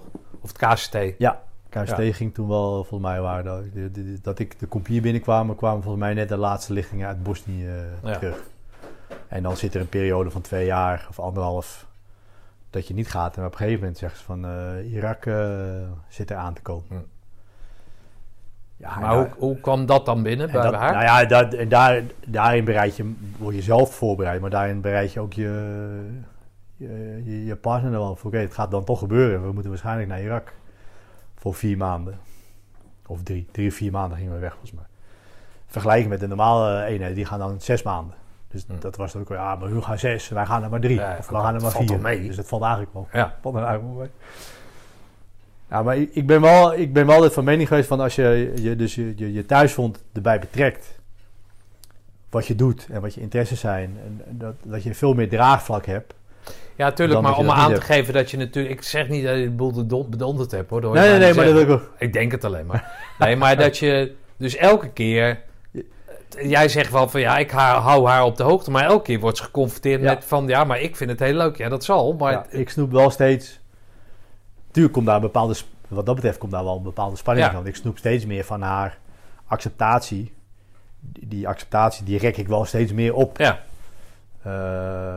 en maar ja, nogmaals, we hadden, we hadden geen verantwoordelijkheid voor kinderen. We, hadden- we woonden dan wel samen. En de enige, we hoefden alleen maar verantwoordelijkheid naar elkaar af te leggen. En Ja. ja, ja toen kwam misschien wel een beetje af van, ja, maar dit hoort er nou bij. Ik ben militair geworden, dus, dus dan moet ik ook op uitzending. ja, maar jij zou toch sport, jij zou toch Ja. alleen maar sporten en dan Ja. leuk aan de ringen en vogelnestjes maken en eh, dat soort dingen. En nu wil je in die VCO, oké, prima. Nou, oh je wil, oh ja, maar dan kan je het beter doorgronden en dan, ja, nou, oh dat snap ik, want zij heeft ook CIO's gedaan. En, en maar op blijven en maar werken. op blijven. eh, Totdat je naar Irak moet. En Ja. dan, wat, wat zeg je dan? Ja, ja, ja, dat, ik weet niet precies meer hoe dat Nou, is, sterker nog, maar, wat zegt zij dan? eh, nou ja. Eh, ja. Oké. Nou ja, ik, ik weet geheid en dat, misschien is dat wel grappig dat ik dat vanmiddag eens heb gevraagd. Daar zijn geheid woorden of woorden, daar zijn gesprekken over geweest. Maar die kan ik me dan niet meer helemaal voor de geest halen. Hoe, wat voor gesprekken dat precies geweest zijn.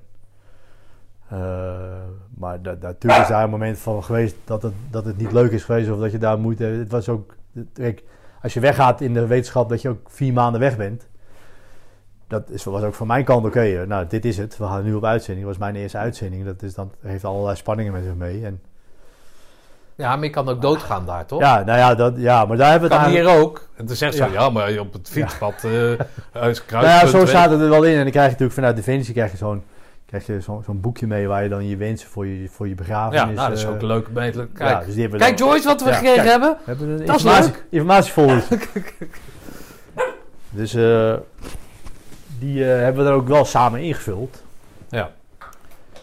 Ja, daar ga je het niet over hebben.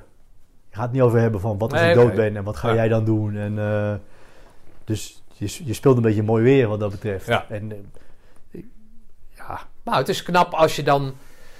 Ik hoor het wel vaker bij zeg maar, de, generatie van jou, hè, van, van jullie, eh, van jou, Ja. jullie kerels, zeg maar, dat, dat daar wel een bepaald egoïsme in, in, in, in doorklinkt. ja, Ja, ik vind het leuk, ik vind het mooi. ja. En ja, ook, eh, hartstikke leuk dat jij het mooi vindt. Ja. Maar en ik dan?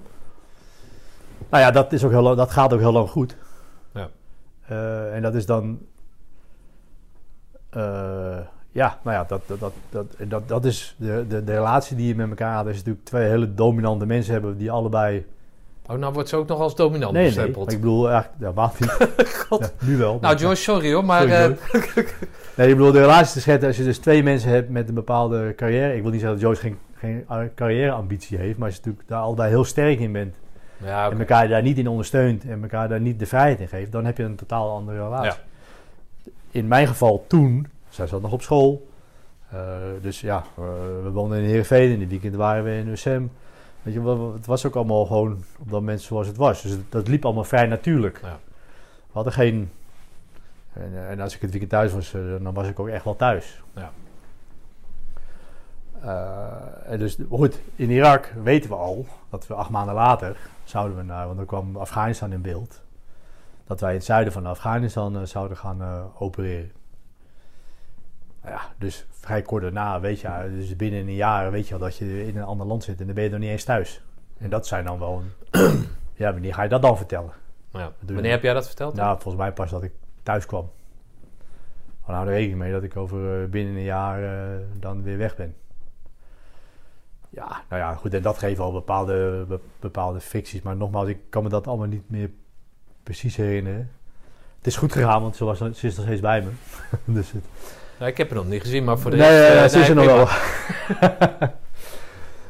Ja, totdat de derde uitzending, dat was dan in Oersgan, eh belden ze mij twee weken op dat ik in... Ik was er net twee weken, belden ze op dat ze zwanger was. Oké. Gepland hoor. We hadden, er was wel tijd voor een kindje. Dus ik zei, ja, ja, je had me niet twee weken later moeten bellen, want dan had ik afgevraagd of het wel van mij was. Maar nu geloof ik het nog. Weet je wel, een beetje. Dus en in die, maar tijdens die uitzendingen ben je daar nog niet direct mee bezig. Dat je dus vader wordt. Dus ik, ik, je was daar voor, ook voor 100%. Ik was wel blij dat ze me verteld had en niet dan achteraf. Eh, maar ja, je sluit dat enigszins af en je, je, je bent daar. Als, Je bent daar met een daar bepaalde met missie en daar, scherp in die leef je En- gewoon voor 104 procent. dus je leeft je, daar, je leeft je daar volledig in in. En we deden daar ook meerdaagse patrouilles. En dan kon je nog wel even bellen dat je wegging, want daarna was er ook geen contact meer. En als je dan terugkwam, belde je weer. Dat was dan het contact wat je met thuis eh, onderhield. Ehm, maar daarin heb ik ook nooit, en we hebben daar wel dingen meegemaakt, maar daarin heb ik dus nooit het idee gehad van hey, we gaan hier niet, niet meer uitkomen. Hmm. Ik, ik, ik ben bang dat ik hier ga sterven of zo. Dat is, ja, daardoor kan ik op alle uitzendingen goed terugkijken. Omdat we geen zwaargewonden of dooien aan onze eigen zijde hebben betreurd. Weet jij hoe zij daar dan tegenaan keek? Nou, zij heeft daar ook, ook wel een beetje nuchter naartoe gegaan. Want natuurlijk wordt die vraag ook aan haar gesteld. En zeker uit zo'n vriendengroep. Van ben je dan nooit bang geweest dat hij niet meer terug zou komen? En tuurlijk, stiekem heb je altijd dat gevoel wel gehad. En zij ook. Maar daar heeft ze nooit de overhand. Ze is daar nooit angstig voor geweest. Hm. Heeft altijd het idee gehad van oké, hij is daar als getrainde eenheid. Ik weet hoe die is. Hij, hij redt zich wel. En of dat dan jezelf iets, iets voorhouden is. Of dat dat je overtuiging is dat het zo is. Ik hoop dat het de overtuiging was dat het zo is. Eh, maar natuurlijk heb je altijd stiekem eh, de angst dat je, dat je het niet overleeft. Die heb ik natuurlijk ook wel gehad. Natuurlijk denk je daar wel over na. Maar dat moet je vooral niet eh, heel veel aandacht blijven geven. Nee, tuurlijk. Nee, dat Kijk, als je, als militair, je wordt als militair, weet je dat, dat je uitgezonden kan worden. Dat je dingen moet doen. Eh, dat er op geschoten wordt. Dat je misschien iemand moet, ook moet terugschieten. Dat daar mensen bij, bij omkomen. Dat zijn dingen die, daar groei je in. Hm. Dat weet je op een gegeven moment ook. En in mijn, op mijn uitzendingen was dat ook een hele mooie, mooie opbouw. In Irak was het nog informatie vergaren tussen die Irakezen in. En moesten we bepaalde high value targets oppakken. Maar ja, die dreiging daar, die, die, die, die, er was wel iets van dreiging. En er zijn daar ook wel, eh, maar, maar die heb ik nooit heel erg gevoeld. Dat, we nou, dat wij vanuit Kandahar het zuiden in werden gestuurd, dat, dat, dat was al meer van oké, dat er was een heel lang gebied geweest waar, waar geen militairen waren geweest. Dus we wilden graag weten wat dan vanuit Pakistan en, en uit Iran, wat, wat voor aanvoerroutes daar dan waren en wat voor dingen daar dan werden ontplooid. Dus de kans dat we daar vijandelijke eenheden tegen zouden komen, die zou dan wel reëel eh, wezen. Ja. Eh, dus daar bereid je je dan ook op voor. Maar die, ook, ook daar, daar gebeurde het niet. We deden wel daar dan SF-taken. Dus we deden het land in kaart brengen. En kijken welke posten er dan eh, bezet werden en door wie. En vervolgens dat wij eh Oeruzgan inreden met Viper 1. Ja, dan kom je voor het eerst in, in, in, in, vuur, met vuurcontact en vuurgevechten. Maar omdat je daar zo, je hebt daar niet naar dat moment toegeleefd, maar die, die uitzendingen zijn zo, toevallig in mijn geval dan zo opgebouwd. Eh je kreeg betere spullen, weet je wel, dat- dat- dat- ondanks de, de, de bezuinigingen kon het KST daar dan wel in groeien. Dus we hadden voor ons op dat moment ook wel aardige spullen. Dus ja, dat neem je dan ook, dat gebeurt Ja. dan. En dat neem je dan Ja, lief. maar jij bent met, eh, ja, ik wil je nergens, maar jij bent met de maten, dus, dus je bent allemaal met één doel daar. Ja. Je kan elkaar, je kan elkaar feedback geven over fuck, mijn vrouw die is kwaad of whatever, weet je wel. En zij is hier natuurlijk met onwetend. Dat lijkt mij Ja. zo moeilijk. Nou, dat, dat is natuurlijk ook wel heel lastig geweest. En de, de, maar op de momenten dat ik contact kon opnemen met thuis, dan vertel je niet precies wat je gedaan Nee. hebt. Maar we, zijn vijf eh, dagen de poort uit geweest. Eh, we hebben inderdaad onder vuur, onder vuur gelegen, maar eh, we zijn er allemaal ongeschonden afgekomen en het gaat goed. Ja. Weet je wel, dus die geruststelling en, en die communicatie met thuis, die, die is er wel. Hm. Eh, en natuurlijk het telefoontje dat je zegt, ja, ik ga de komende twee weken gaan we weer op patrouille. En dat is dan maar de vraag of dat dan inderdaad je laatste telefoongesprek is. Ja. Maar als je bij elk telefoongesprek dus op die manier zo afsluit, dan wordt elk telefoongesprek die je hebt een heel zwaar, een heel zwaar man, gesprek. Dus man, weet je wel, dan, lijkt- dan kan je misschien maar beter niet meer bellen. Ja. Dus dat hebben we dan ook nooit zo op die manier gedaan. Eh, ja.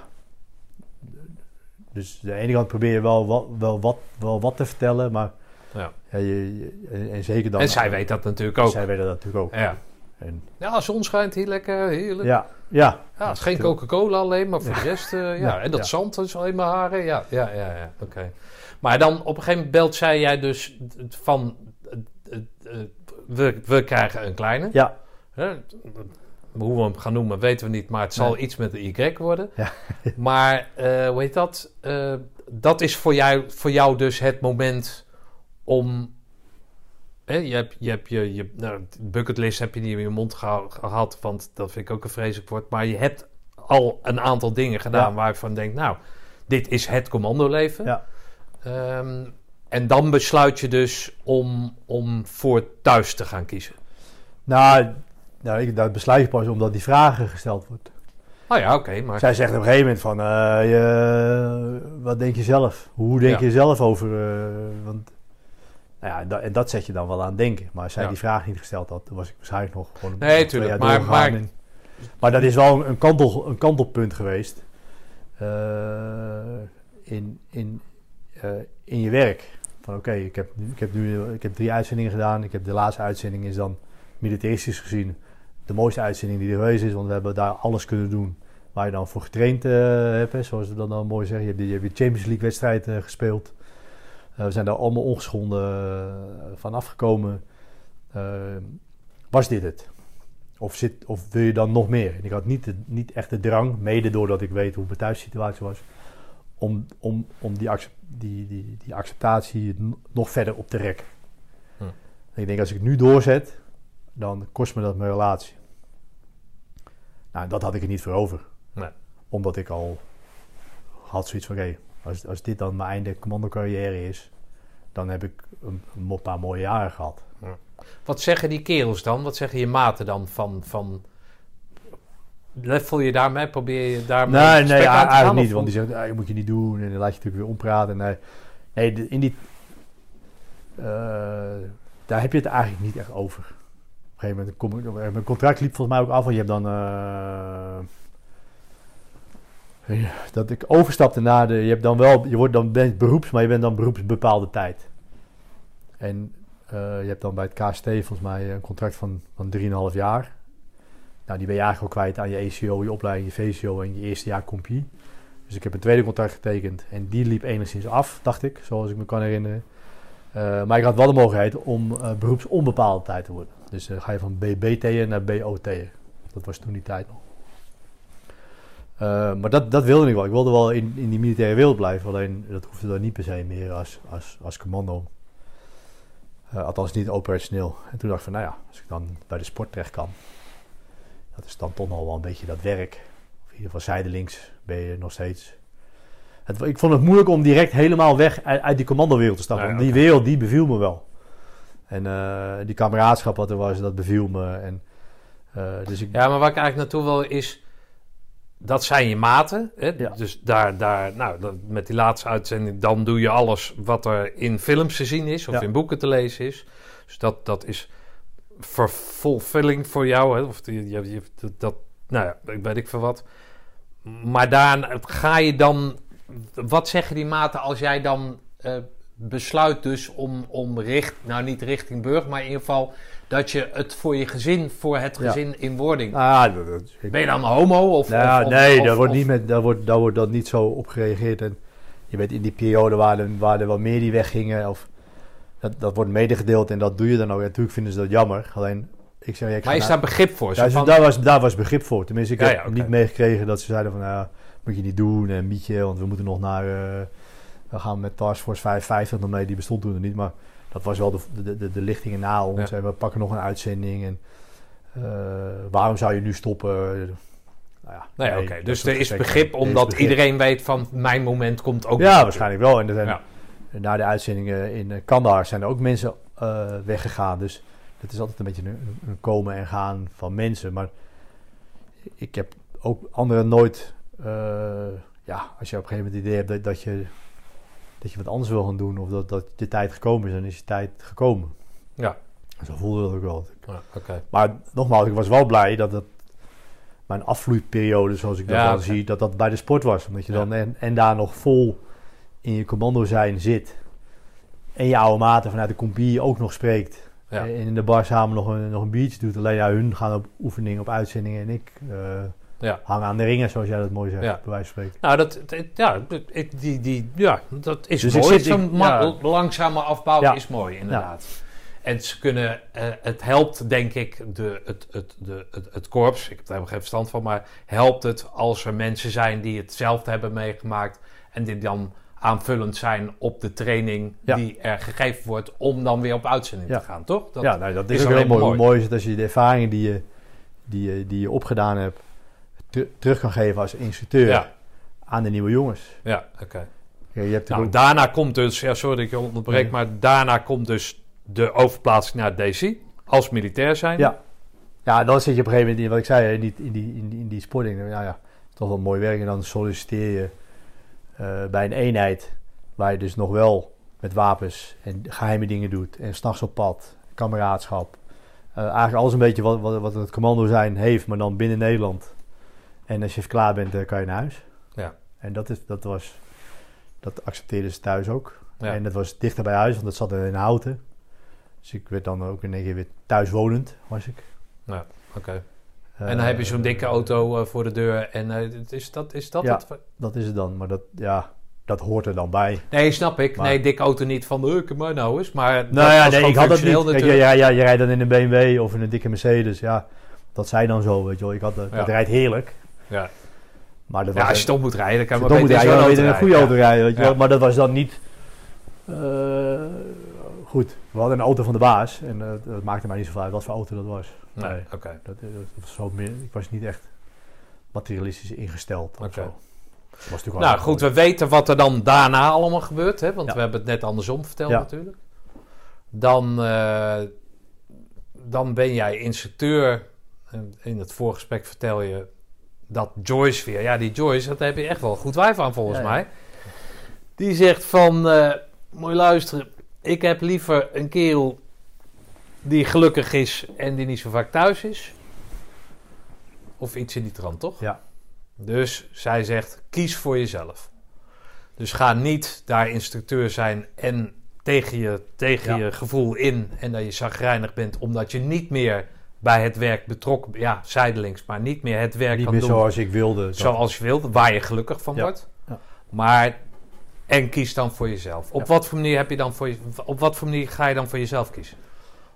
Nou, wat, wat vat je aan, laat ik het zo zeggen. Nou, op dat moment had ik, heb ik gezegd van oké, ik wil eh, een extern reïntegratiecoach of traject in.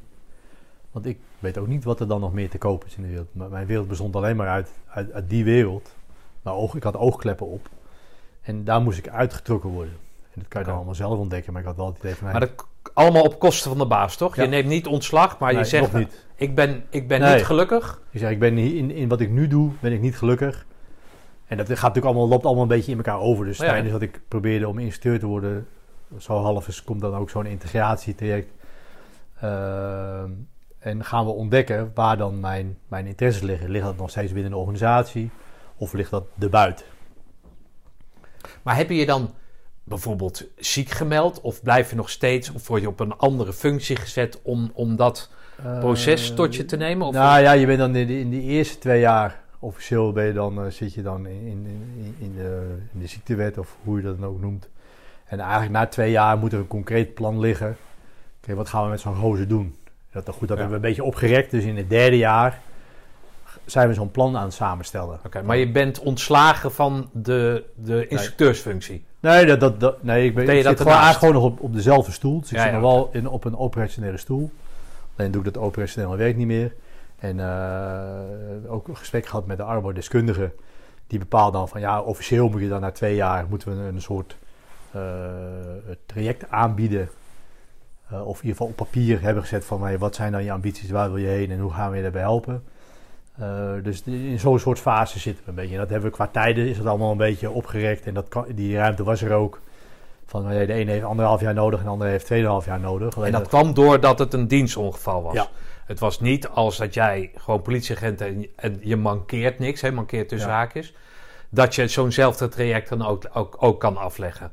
Ik ben, ik ben ongelukkig, eh, ik wil wat anders. Nee, dat, dat weet ik niet precies. Omdat ik, Nee, maar, dit heeft echt duidelijk heeft- met je ongeval te maken. Zo'n zo'n zo'n zo'n eh, reïntegratietraject is gemaakt voor mensen die een burn-out, eh, PTSS, Ja, een ongeluk, in ieder geval door de dienst Iets hebben opgelopen. iets hebben opgelopen. Dus Ja. die moeten dan ook vanuit de zorg, vanuit de dienst geholpen worden of in de maatschappij, de burgermaatschappij, een nieuwe plek te vinden. Of binnen de organisatie een andere plek te vinden. Ah, mooi toch? Dat Ja, dat- nee, prachtig ja. dat dat, dat, dat, eh, er was. En, eh, eh, alleen ik wilde een, een, een bureau hebben die daar, met, die daar met een ander oog naar keek. Dus niet vanuit het politiebelang keek, van we moeten die gozer binnenhouden. Maar meer vanuit het belang van oké, Nee, tuurlijk had jij je eigen mening. Dat, dat, nu wil, wel duidelijk. Ja. ja, ja. wat. Wat, wat wil de persoon Rembrandt zelf? precies. En daarin le- leer je eerst heel erg naar jezelf kijken. Dus je moet een reflectie geslagen maar je moet ook dingen lezen. Je krijgt al een aantal opdrachten in en je doet een soort eh, eh, beroepentest of weet ik wat ik allemaal moest doen. En, en- maar daarin word je dus ook wel geconfronteerd met andere verhalen van andere mensen die in ook soortgelijke situaties hebben gezeten. Of in ieder geval die gedwongen van baan moesten verwisselen. Eh, hoe hun dat gedaan hebben, of hoe hun dat beleefd hadden. En wat, wat er vooral daarin als rode draad dan mij in opviel, is dat iedereen het zag als een nieuwe start. Oké, dat oude werk, dat kan niet meer. Dus sluit dat ook af. Maar zie je het, de wereld ligt aan je voeten. Wie of wat wil je dan worden of zijn? En, eh, nou, dat is eigenlijk best wel een heel mooi gegeven. Want je kan weer iets nieuws opbouwen, maar wel met de ervaringen die, zo zag ik het dan, met de ervaringen die de afgelopen twintig jaar eh, opgebouwd wordt. Ik vond het ook zonde om dat dan helemaal weg te gooien. En daarom wilde ik graag instructeur worden. Eh, dus ja, dus mijn oogkleppen gingen wel open. En in die, in, die, in die fase kom ik ook in aanraking met twee jongens hier uit het dorp. En de een heeft dan een cateringbedrijf en de andere een eetcafé. En die doen samen barbecues. Op feesten en partijen. Die hadden al mij wel eens een keer gevraagd van... Hey, eh, wil je een keer mee? En ik werd enthousiast over dat barbecue catering gebeuren.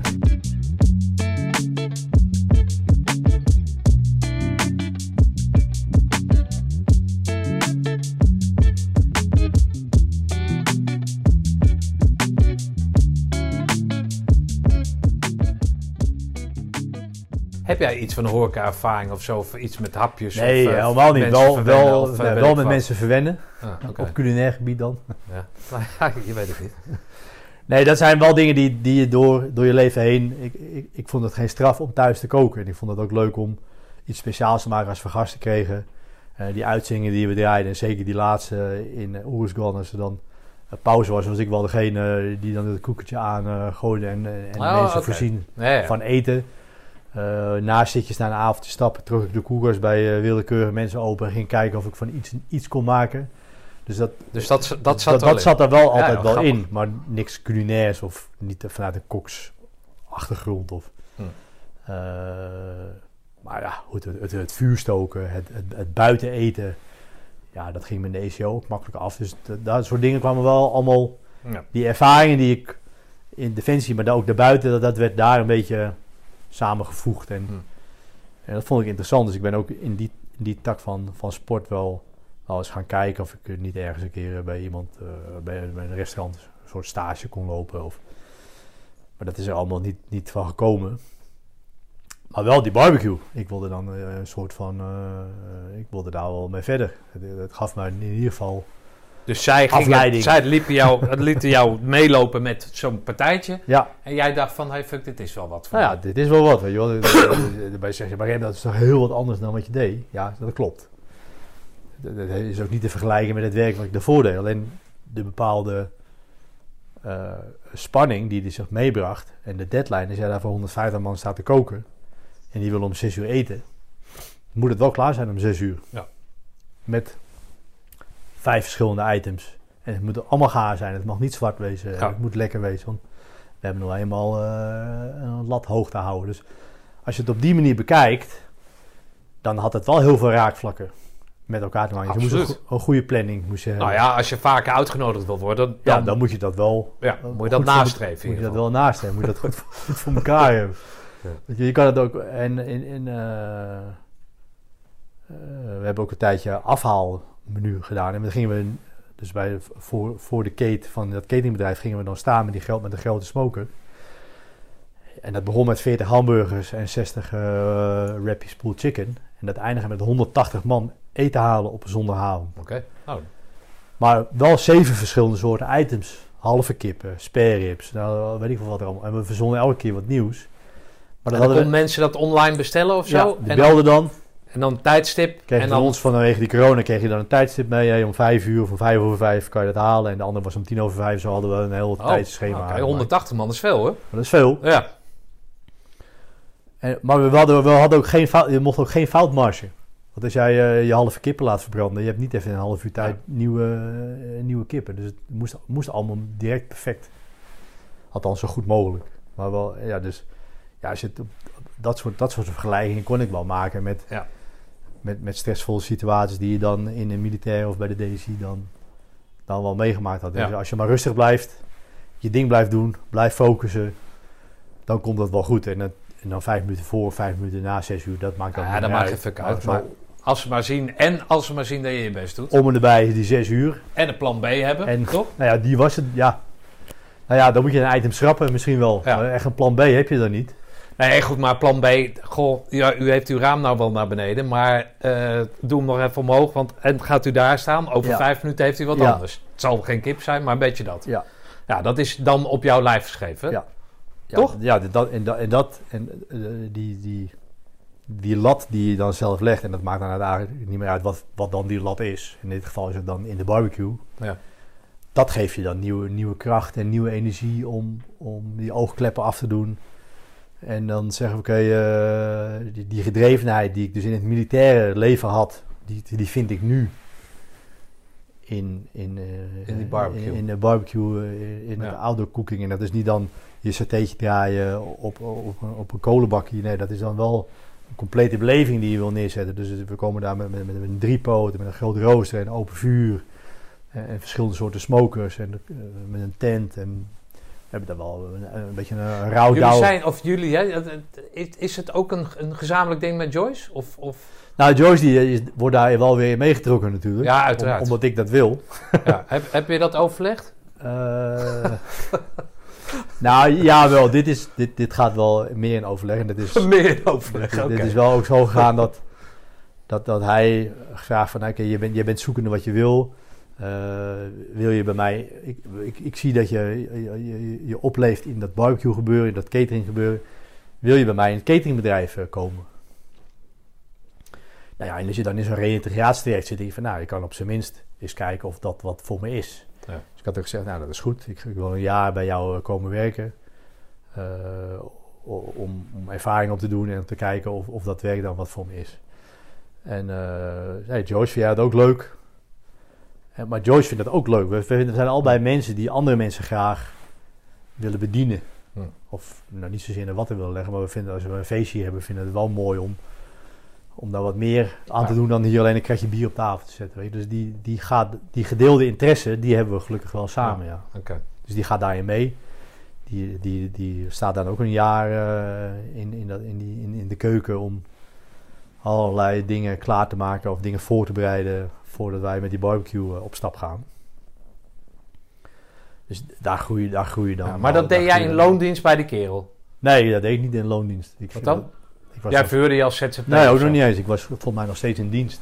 Oh, je, was gewoon in, je had gewoon salaris, van, salaris, van de baas eh, van de baas. En eh, ik, ik was daar ook wel dagen aanwezig hoor. Het was natuurlijk niet dat ik alle dagen in, in, in, die zaak stond.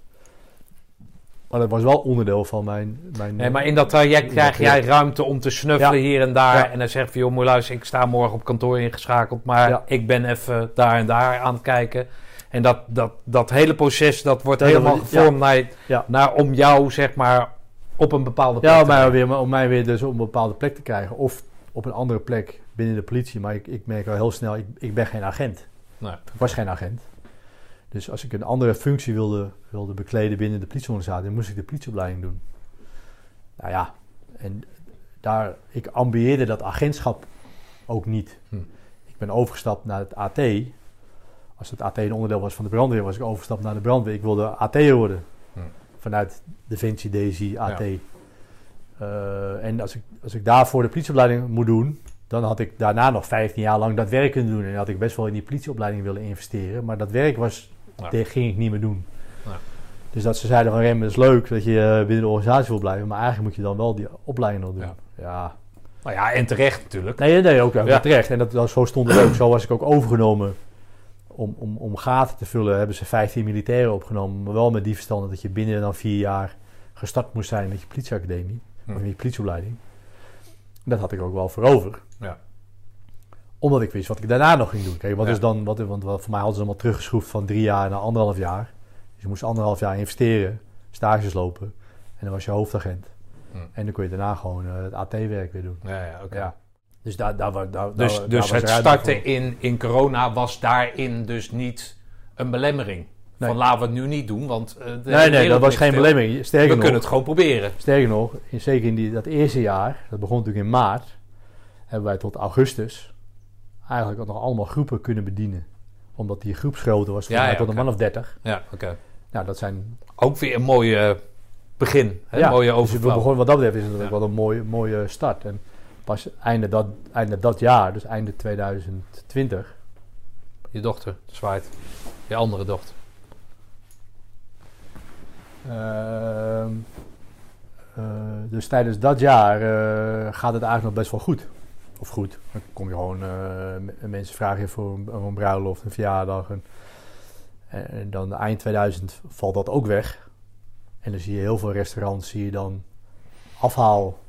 Nou, ik zeg, dit moeten wij ook doen. We zijn nu net begonnen met smoke.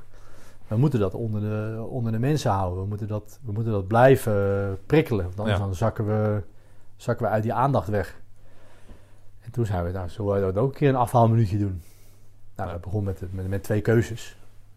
En dat eindigde met, met, met zeven keuzes. En dat hebben Ja. we voor mij, dat hebben we gewoon een jaar lang, nou zeg een jaar, dat hebben we vier, vijf maanden. Elke dag? Nee, elke zondag. Oh, elke zondag. Oké. Ja. Maar hoe deed je dat dan met, met spullen die je dan niet verkocht? Of verkocht gewoon alles? Nou ja, eigenlijk het mooie was dat, dat we woensdag, we deden dan, eh, zondag verkochten we. Eh, dinsdag kwam dan het menu weer op eh, socials. En vanaf woensdag, donderdag konden ze bellen. Nee, oké. Dus je wist in de loop der tijd, en ook dat heeft ook met Oh, ervaring dus je kon maken. zaterdag ook nog bijbestellen, Dus zeg je kon maar. als je dingen tekort had, we gaan nu wel heel snel. Maar we hadden wel altijd zoiets van, hé, hey, we kopen 50 hamburgers, 50 dit, 70 dat. En als we dat verkopen, dan zijn we eigenlijk al hartstikke blij. Oké. En dan zaten we wel een beetje aan de ondergrens. Ja, oké. Maar we verkochten het allemaal. Ja. Dus het moest elke week eh, weer- moest dat meer worden, want we waren in de omgeving. Maar de enige barbecue, die, of de enige zaak die, die barbecue verkocht als afhaal. Dus, dus dat, was, dat, dat, leuk. dat was hartstikke leuk. Deed je ook friet erbij dan, of niet? Ja, het begon niet met friet, maar daarna hadden we een, een, mobiele frietkraam. Gewoon twee, eh, twee ja. grote bakken, dus eh, je kon daar friet bij bestellen. Eh, salades kon je erbij bestellen, voorafje, carpaccio kon je erbij. Dus het was best wel een uitgebreid, een uitgebreid ding Leuk, aan het worden. Dus het begon, Ja. ik zei heel klein, maar dat eindigde best wel groot. En het mooie nu is dat mensen er nog steeds wel eens naar vragen. Hey, ga je nou nog weer staan? Want, eh, Wanneer komt corona weer? dat, eh, nee, ja. maar dat, het, was, Ja. het, was, het was anders dan dat je even naar de snackbar ging. En mensen proefden ook het verschil. Hey, zo'n zo'n mooie sappige hamburger van zo'n smoker. Dat is wel even, dat is lekker. Nee. Ja, wat, voor hoeveel verkocht je dat dan, eh, zo'n hamburger? Hoeveel gram was die? Nou, dat was 100, voor mij 180 gram. Hey, maar als je, Nee. Hoe hoe we dat verkochten? Voor nee, hoeveel? maar hoeveel, hoe- hoeveel gram was de hamburger? 180 gram eh, vlees. Een veel. broodje van eh 75 gram volgens mij. En dan wat topping erop. Oké. Dus, En voor hoeveel verkocht je dat dan? dat is 7,5 euro volgens Oké. mij. Nou, dat is een goede prijs, toch? Dus we zaten qua wat we deden en wat voor welke prijs het verkochten, eh, was dat niet gek. Nee, oké. Nee, Nou ja, als je op een gegeven moment ziet wat we erin staken, hoeveel Ja. tijd en hoeveel energie, ja, dat was dan op een gegeven moment niet helemaal meer in, in verhouding. Nee, oké. Maar dan, je eh, zit in die, in die beginfase. en, eh, ja. Weet je wel, je zegt dat. Hij is toch lekker op zondagavond, lijkt me lekker. Als je helemaal leeg verkocht bent, denk nee, dat nou, was, nee, dat was top. Ja, toch? Dat ook- en daarin leer, in, die, in die fase leer je ook heel veel. ja, Je, je, je, je leert hoe zo'n ding werkt. Je, leert hoe, Ja. je, weet je, wel, je weet wel een beetje, hey, op zoveel graden, zo lang, dan is je, is je, is je, is zwart. is die dingetje gaar. Ja. Maar dat is leuk als je dat van één item weet. Maar nu liggen er 180 items. Ja. ja, mooi man. Dus daar moet je dan wel Ja. bij blijven eh, en, en, en je focus op hebben. En, Ja. ja, heel vaak spreek ik spreek ook wel eens van, die- nou, we zijn allemaal hobbykoks, maar we hebben bijvoorbeeld een lekkere mooie picanha. Ja, dat is met 180 of met 100 graden. Leg je hem uur op, op, op je kamado, dan is hij klaar. Dus Ja. dat is leuk. Maar nou heb je er 10. 10 van die dingen. Want je Tuurlijk. moet daar 50 man eh, mee bedienen. Hoe ga je Ja. het dan doen? Ja. Weet je wel? En dat zijn wel mooie dingen om. eh, Absoluut. Nee, maar dat is, dat is het verschil tussen een hobbykok en, en een, een professionele kok natuurlijk. Het is leuk om te frieken op één voor twee personen. Ja, Maar hoe ga je dat doen, weet je wel, met, Ja, met 80 hoe doe je dat personen? met 80? Ja, en, en daarom zijn die keukens van die sterrenrestaurants, er lopen altijd stervensveel Ja. mensen rond, want iedereen moet wat op het bord leggen iets. natuurlijk. dus, Ja. dus hey, als, jij dat, als jij zegt van eh, beleving, hè, dat smoke is een beleving, schets mij eens dan een, een, een, een perfecte, voor jou perfecte het avond, dag of in ieder geval, nou ja, in ieder geval barbecue. Als ik daar als gast binnenkom, ik Ja. word door iemand uitgenodigd, Ja. jij staat daar als smoke, ja. jij hebt het over beleving. Wat ga ik als gast van, van jouw opdrachtgever, wat ga ik dan meemaken? Ja, je, je stapt uit je auto en je, je, lo- je loopt naar het huis van, van jouw vriend. En, de- wind staat toevallig jouw kant op, dat is het mooiste. En dan ruik je al vuur. Hm. En vuur doet heel veel zintuigen eh, prikkelen. Maar daarna ruik je ook een beetje de vettigheid al van, van, van het vlees wat erop ligt. Of het, het oude vet wat dan warm wordt vanuit. Dus ik denk, oh, en ik, ik weet hoe jij dat ervaart, maar als ik door de stad loop en ik hoor bij zo'n steakhouse, huis, dan ruik je dat. Hm. En dat, dat geeft wel iets. Dus dan kom je zijn tuin in en dan hangen er overal hangende lampjes. En eh, je hoort een beetje jazz, eh, funky muziek op de achtergrond. Of het is van hemzelf, of ik neem ook wel vaak mijn eigen muziek een beetje mee. En dat is dan een beetje, eh, ja, een beetje oude jazz, sigaren, whisky muziek, Ja. weet je wel, dat. En dan zie je dus een tent. Wat voor een tent? Nou, ja, dat is een Zo'n tentje. zo'n zo'n stretch tent of is het Nee, gewoon ja, zo'n nee, ding ik heb, waar wat we ik bij de gewoon, een uitvouwtent. Zwart, Ja, vrij simpel, maar daar dan eh, twee mooie voorzetbuffets met, met, met grote logo's van Smoke. oké. Aan ja. de bovenkant is een geflambeerde houten toonbank. Waar dan de eerste gast al met een biertje met, met, met, met de pitmaster staan te praten. En dan eh, staat er een grote eh, smoker op een aanhanger van 4,5 meter stoom eh, uit te blazen. Of rook uit te blazen. Je moet even zeggen, want ik heb dat vaker verteld, maar mensen snappen nooit wat het is. Zo, wat is zo'n smoker? Wat is dat? Nou, een smoker dat is eh, een op hout gestookt de barbecue. Alleen je maakt gebruik van de hitte en de rook van het vuur. Dus, dus niet direct de vlammen. Ja. Dus niet direct het vuur waar je dan boven, want dan zou het grillen heten. Maar je, je vlees of je producten liggen dan in een cilinder. En door die cilinder komt de warmte. En, Ja, ja, dus en- hij is en- afgesloten, hij is en, afgesloten. en je, je gaart hem met de, met de, met de smoke, de, de, ja, de, de- smoke van het vuur. van het vuur. Ja, en Ja, dat vuur wordt in een aparte eh, bak gestookt. En dat gaat dan door een, een wat smallere pijp. Komt, dat- komt, dat, Ja, komt dat over je, over je product. Dus ja, dus daar zie je dan mannen met baden. Zie je, eh, en een leren schort, zie je daar van allerlei kleppen open trekken en eh, grote zalm naar binnen schuiven of een groot stuk vlees. Je ziet een driepoot met een open vuur. En daar liggen ook van allerlei attributen op, of er wordt groente opgekookt. En eh, dat is dan wat je ziet Hm. in eerste instantie. En dus je, je, je, reuk zintuig is al geprikkeld. die, die, die leren schorten, die snap ik, maar waar staan baarden voor dan? Ja, dat is, we zijn een beetje een ruige Oké. houthakkers uitstraling. Dat is tenminste wat we willen doen. Dus je kan daar heel, heel clean in een, in een wit schort, geschoren bekkie. Eh, dus het, het mag ook wel een beetje Bourgondisch. Of Ja, ja, oké. Het, het, het, moet- het dat, dat mannelijke wil je uitstralen. dat- ja, dat, dat, mannending. Of dat echt mannelijk. Ik weet niet of een baard echt mannelijk is. Maar nou ja, ik zie weinig vrouwen met een baard, Ja. maar ja. dan, dus dat is dat wel mannelijk. Maar het, het, het staat ook wel iets voor wat... ehm, eh, het product wat je geeft. Als je natuurlijk heel... eerlijk. Gewoon Gewoon, en- eerlijk, eerlijk. Een eerlijk Ja, wat, je, product. wat je ziet is wat you get. Ja, ja. En eh, eh, ja, we proberen ons best te doen om het, om het mooi aan te kleden. Maar goed, vlees lekt als je het snijdt. Dus er komt bloed. Dus zo'n schaal, daar ligt ook wel eens een beetje bloed in. Ja. Of je, je borst wel eens een beetje bloed op je schort. Of, ja, daar moeten mensen daar niet vies van zijn. Nee, En je oké. natuurlijk een heel culinair met, met witte dingen, eh, dan wordt, dan wordt het al snel vies. Ja, oké. Terwijl als je daar natuurlijk al in het zwart staat. Ja, maar dan is het natuurlijk... Je moet de balans weten te houden... of het zien te bereiken tussen... Want je bent natuurlijk een open keuken. Ja. Hè? Dus, dus En mensen... dit, dit, tuurlijk, het, het is, het, is wel schoon. Nee, snap ik. Maar dat, hè, dus... Ja. Wat ik altijd mooi vind, is van die koks die met hun handen werken. Ja. Dus niet met een tang of wat dan ook, maar gewoon hop. Ja, eh, ja, en dan ja, dat- omgooien of ja. zo. En daar moet je de balans Ja, in te vinden. Er zijn dan wel, we, we- we werken graag met onze handen, maar goed, we hebben dan wel handschoentjes aan. Eh, maar als ik bijvoorbeeld eh, het, het vuur opstook en ik doe dat met een tang, om, die, om dat hout, klosje hout in het vuur te leggen, met die tang doe ik niet het vlees omdraaien. Nee, Dus uiteraard. Nee, dat snap dat ik. doe, maar- dat doe je, daar, weet je, moet je natuurlijk wel een beetje op hygiëne eh, Ja. blijven letten. Maar, nee, maar dat is de balans die je dat is de balans die we zoeken. Ja. En, maar het mooie is dat het een open keuken is. Dus je ziet dat, dat er grote lappen vlees op komen. Of, of grote bakken met vlees, want niet alles hoeft groot te zijn. Kan ook de kippendij zijn bijvoorbeeld kleiner, maar die marineren daar te plekken. Dus je bent echt gewoon met je handen bezig. Met het klaarmaken van het product gebeurt allemaal veel op, op, eh, op locatie. Eh, nou ja, er liggen overal blokken hout, want je moet dat hout stoken. Dus er gebeurt van alles. Hm. Eh, In, in, in, in, onder die tent en om die tent. En eh, eh, mannen, maar ook wel vrouwen, die komen er even kijken. Die nemen een biertje mee, dus er wordt, er wordt, er wordt geproost, er wordt gelachen, er worden verhalen verteld. Rondom zo'n barbecue. Dus je bent onderdeel geworden.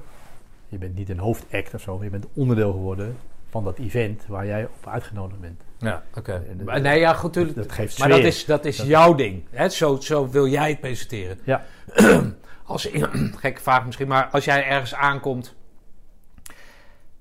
en die meneer heeft ABBA opstaan, ga jij naar, naar die opdrachtgever ja, pik, moet je lu- of meneer, moet u luisteren. Ja. Ik, eh, dat ABBA, echt super, maar, doet dat afbreuk aan jouw product dan op dat moment? Nee, nee. Kijk, uiteindelijk is het, het moet, het, eh, je, je komt op, op een feestelijke evenement kom je terecht.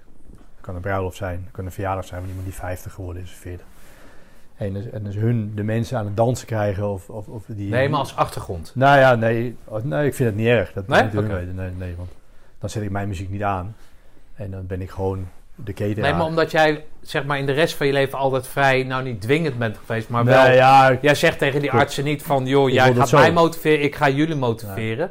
Ja. Dan, en daarom ben ik benieuwd dat als ik daar dan binnenkom en ik hoor ABBA, ruige baarden, eh, leren dingen, weet ik wat. Dan zou ik daar inderdaad meer, nou, weet ik veel, Charlie Parker horen. Zachtjes hoor, het hoeft niet hard, weet je wel.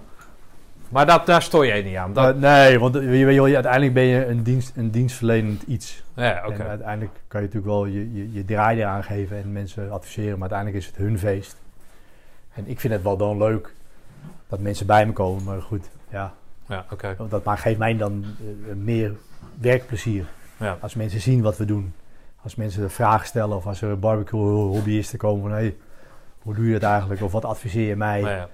Dat is dan een beetje wat je, het contact wat je met je... Ja. Met je Wat voor klanten, hè, als ik op opdrachtgevers, maar wat, wat, wat zijn dat voor, voor types? Wat zijn dat voor mensen? Nou, het, mooie nu is, met mijn achtergrond, is dat, dat, dat, dat bijna alle klanten hebben een militaire achtergrond of komen bij de politie vandaan. Dus het is allemaal via via. Hey, eh, Rem, eh, die doet dit. Of eh, heb je die al eens gebeld? Ehm, dus ja, ik, zeker het eerste jaar eh, zijn, zijn de mensen die je dan wat gunnen. Die weten een beetje wat, wat je verhaal is en wat voor situatie je terechtkomt. En die hebben me ook echt wel geholpen om, om, om aan werk te komen. Hm. En, en dat gaat op mond op mond. En eh, dat, dat, dat vind- zijn ook de mooiste, de mooiste opdrachtgevers. Dat, dat je een, een gezamenlijke verleden hebt. En dat wordt dan de eerste, het eerste kwartier wordt dat natuurlijk in geur en kleur nog even verteld. En daarna begin ik te koken en dan is het zijn feest. Hm. Eh, maar alles wat daar komt is dan ook... Heeft een militaire achtergrond. Dus, ja, eh. Dus jij komt daar veel bekenden dus je tegen. komt daar veel bekenden tegen. En zo heb ik ook laatst eh, stonden we op de, het afsluitend feest van, eh, van de AT-opleiding vanuit de politie. Ik ken ik er dan twee. Maar goed, het feit dat daar. Het, er is nog alleen een groep van alleen maar mannen, dat maakt me dan niet uit. Maar de, wat voor mannen daar dan staan. Ja, daar heb je zo makkelijk weer een gesprek mee. En ik Ja. snap zo goed wat hun, wat hun drijfsfeer is om dat Ja. te doen en dat werk te doen. Dus ik kan ook daarin.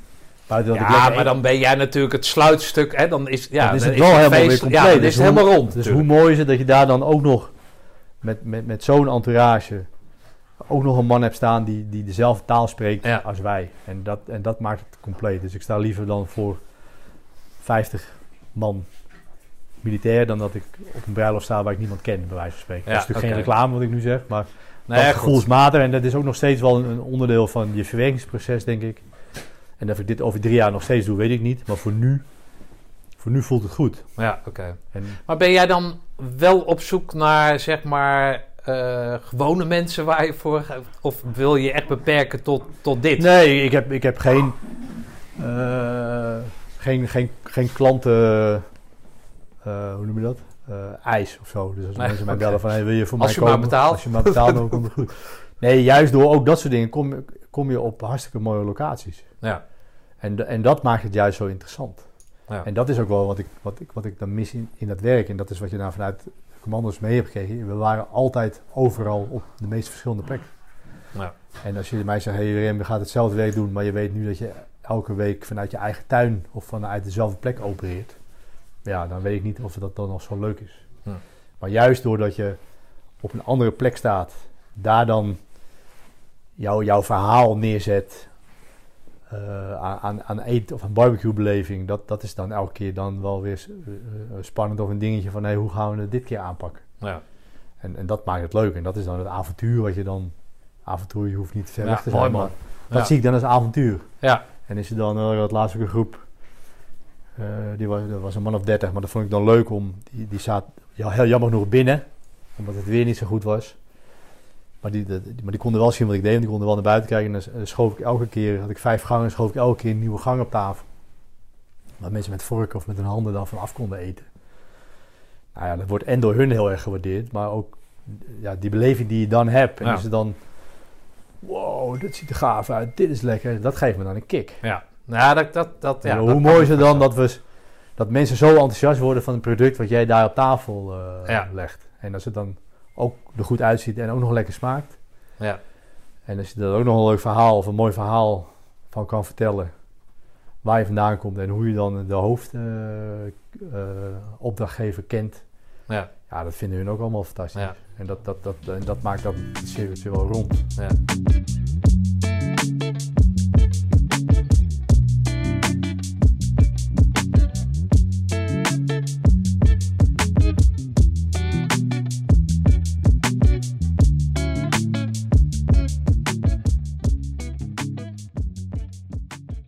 Hey, dat verhalen vertellen, dat maakt onderdeel uit van... Hè, of jij zegt met zo'n AT-opleiding... dat iemand daar dezelfde taal spreekt. Hè? Ja. Die dan toevallig gelukkig die barbecue eh, bedient... en, eh, en, eh, en hun voorziet van allerlei lekkere dingen. Dat verhaal, dat wil jij op een of andere manier ook... Hè? Ik zie op jouw LinkedIn Ja. dat je motivational speaker bent... of in ieder geval zo afficheert. Wat, Ja. wat, wat, wat wil je daarmee? Nou ja, wat, je nu, wat, ik, wat ik nu merk, en dat zeiden heel veel maten al in heel, heel beginstadium, maar toen wilde ik er nog niks van weten. Van, hey, zoals jij je nu manifesteert, zoals jij omgaat met, met, met deze life-changing, daar moet je wat mee. Of daar zou je wat mee kunnen. Ja, daar zou je wat mee kunnen. Dat zou ik niet zelf eens herstellen. Weet je wel, dat, zo zat ik er toen in. Maar als ik, als ik mijn verhaal vertel, hoe ik bepaalde dingen gedaan heb, of hoe ik nu in het leven sta, eh, zetten andere mensen dat ook aan het denken. En eh, ik heb in het begin de mensen die op ziekenbezoek kwamen, die stuurden me daarna een appje van Rem. Super vet hoe jij, hoe jij jezelf weer herpakt en hoe jij in het leven staat. Het is nog maar de vraag of ik dat had gekund in jouw situatie. Dus ik zie jou als een inspiratie. Ik heb wat problemen thuis of in anders weer en die, die verdwijnen eigenlijk in het niets. Als ik jouw verhaal zo hoor, ik ga dat oplossen. Want het stelt niet zoveel voor eigenlijk. Ik heb me druk gemaakt om iets heel pietluttigs. Nou, als ik met, met mijn verhaal, als ik dus mensen op die manier aan het denken kan laten zetten door te zijn wie ik ben, of door te zijn wie ik geworden ben, zonder daar heel erg bravoerisch en mezelf op de schouder van kijk, kijk mij eens en je moet het zo doen, want dan komt het goed. Nee, helemaal niet. Ik ben nog steeds degene die ik was, maar dan aangepast, zeg maar, Rembrandt 2.0 of zo, of geef er een naam aan. Maar als ik daar andere mensen Ja. In ieder geval iets van mee kan geven, van eh, hey, eh, hoe uitzichtloos je situatie ook lijkt. Ik heb altijd een keuze. Ik kan het in eigen hand nemen, maar moet ik dat wel bewust kiezen? Ja, als ik dat mee kan geven en ze daar wat mee kunnen, en als ik mensen daarin kan inspireren, dat, dat vind ik wel heel mooi. Ik ga daar niet als een, als chaka chaka ratelband mensen over kolen laten lopen. Wel een leuke link naar mijn barbecue trouwens. Uiteraard, uiteraard. Nee, zo'n motivation speaker ben ik dan niet. Maar ik probeer wel met mijn verhaal en, en met mijn kracht anderen eh, te laten denken. Hey, wat zijn nou waar draait het nou eigenlijk om in het leven? Of Hm. wat wil ik zelf nou eigenlijk? Ik doe nu al tien jaar dit werk. Maar voor wie doe ik het eigenlijk? Hm. En als ik ze daarmee op die manier aan het denken kan zetten, dat, dat zou ik wel heel mooi vinden. Oké. En, en dat, dat, is, dat is dan de- de- weer een nieuwe weg die ik nu een beetje aan het ontdekken ben. Ik heb geluk, ik heb, het mooie is dat ik al een paar keer dat verhaal heb mogen vertellen aan verschillende doelgroepen. Ja. Ja, ik, ik wil daar wel verder mee. Als, als er mensen zijn die, die, die me daarin kunnen begeleiden. Ik heb wel wat begeleiders zo her en der die me een beetje ondersteunen. Ja, dat, dat vind ik mooi. Ja. Dat zou ik mooi vinden, laat ik zo Ja. natuurlijk, Nou ja, je hebt in ieder geval... Ja, in principe hoeven ze alleen deze podcast te luisteren... en dan weten ze precies waar het Dus over gaat. niet te veel Ja. uitzenden, want dan... Nee, nee maar eh, ja, nee, dat is... Dat, dat, ja, ja, ja, ja, je hebt meer... Je hebt een meer dan mooi... Mooi, tussen haakjes, maar meer dan een mooi traject afgelegd natuurlijk. Ja, toch? Nou ja, de, de mooi. ja, Het is, het is, ja, het mooi tussen haakjes. lastig om het te bewoorden. Het is een, ik denk dat het, ik hoop dat, dus ik vond het, ik heb het natuurlijk zelf meegemaakt, een heel interessant traject.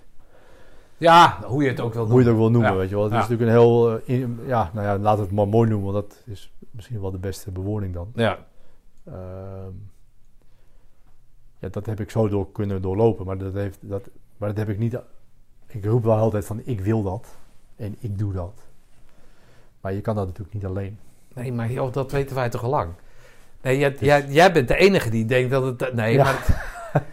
Nee, maar doordat je dus dat vangnet wat ik vertelde vanuit de politie, maar ook vanuit KST, een thuisfront die je daarin stuurt, die Ja. ook begrijpt dat ik dat soort dingen moet doen, omdat ik dan mezelf kan zijn, Ja, een betere, eh, eh, beter, be- ja, een, een betere echtgenoot, een betere vader kan, kan zijn, omdat ik dan dat mijn uitlaatklep is.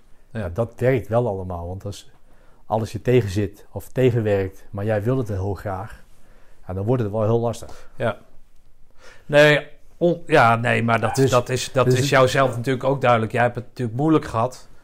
Maar er zijn natuurlijk mensen die 13.000 keer Nou moeilijk hebben gehad. Dat, dat denk ik ook. En als ik dan mezelf met, met andere mensen vergelijk. En we vergelijken elkaar altijd met anderen. Soms denk je van, eh, zie ik ben, nou ja, beter klinkt wel heel, maar goed, het gaat mij makkelijker af dan die. Ja. Dan geeft dat ook iets, maar anderen denken van, nou fuck, ik kijk nu naar mezelf. Maar als ik hem zo zie, die mist dan bijvoorbeeld twee benen.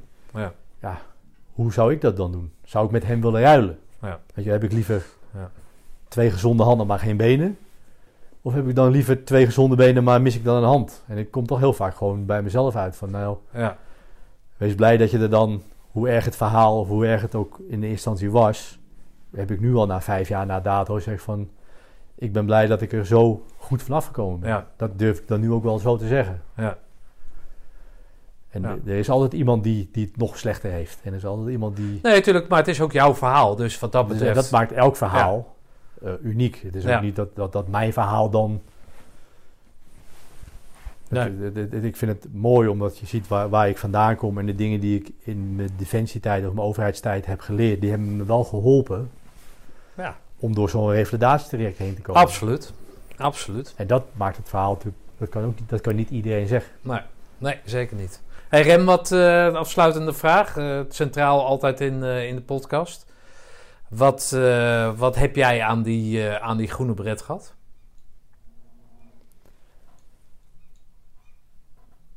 Nou, heel veel, denk ik. En ik denk, het, is nog steeds wel... Het is eigenlijk opnieuw een onderdeel van mijn leven geworden. En dat bedoel ik mee te zeggen dat als je zolang je commando bent...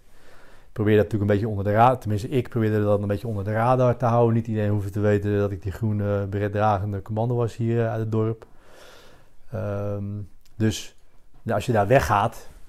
was ik ook niet degene die dan eh, altijd maar met een commandospeltje op mijn, op, op mijn jas loopt... om te laten zien dat ik daarbij gezeten had.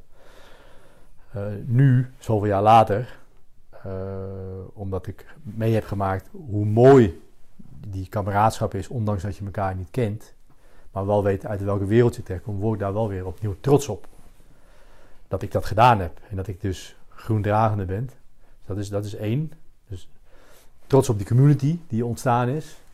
Eh, en ik weet niet heel veel van wat, wat ze nu doen en ik weet ook niet heel veel van wat, wat, wat ze in jouw tijd deden, maar we delen wel allemaal de groene beret en we hebben allemaal wel kijken allemaal wel dezelfde kant op. Dat, dat maakt mij trots. Dat vind ik mooi. En daarnaast heb ik eh, eh, de dingen die ik daar geleerd heb over mezelf. Dus het, het doorzetten.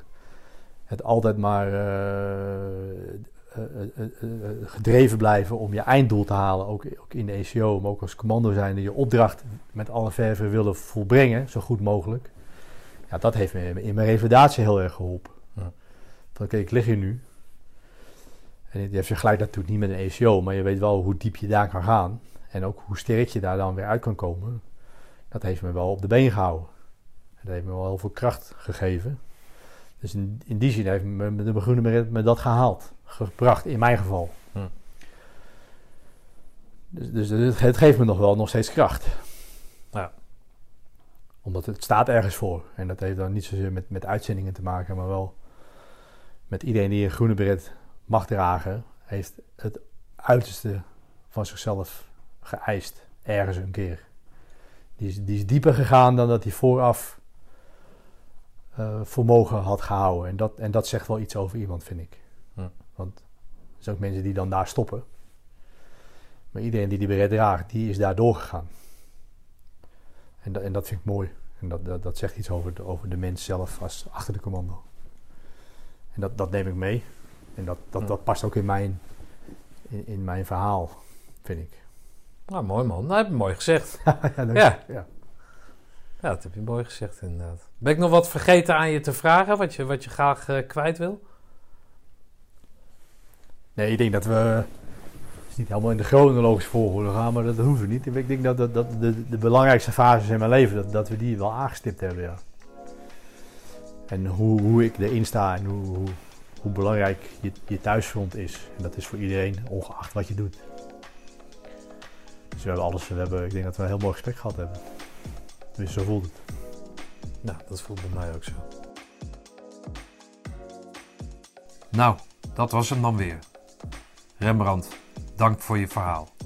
We blijven contact houden en succes met het verspreiden van jouw boodschap.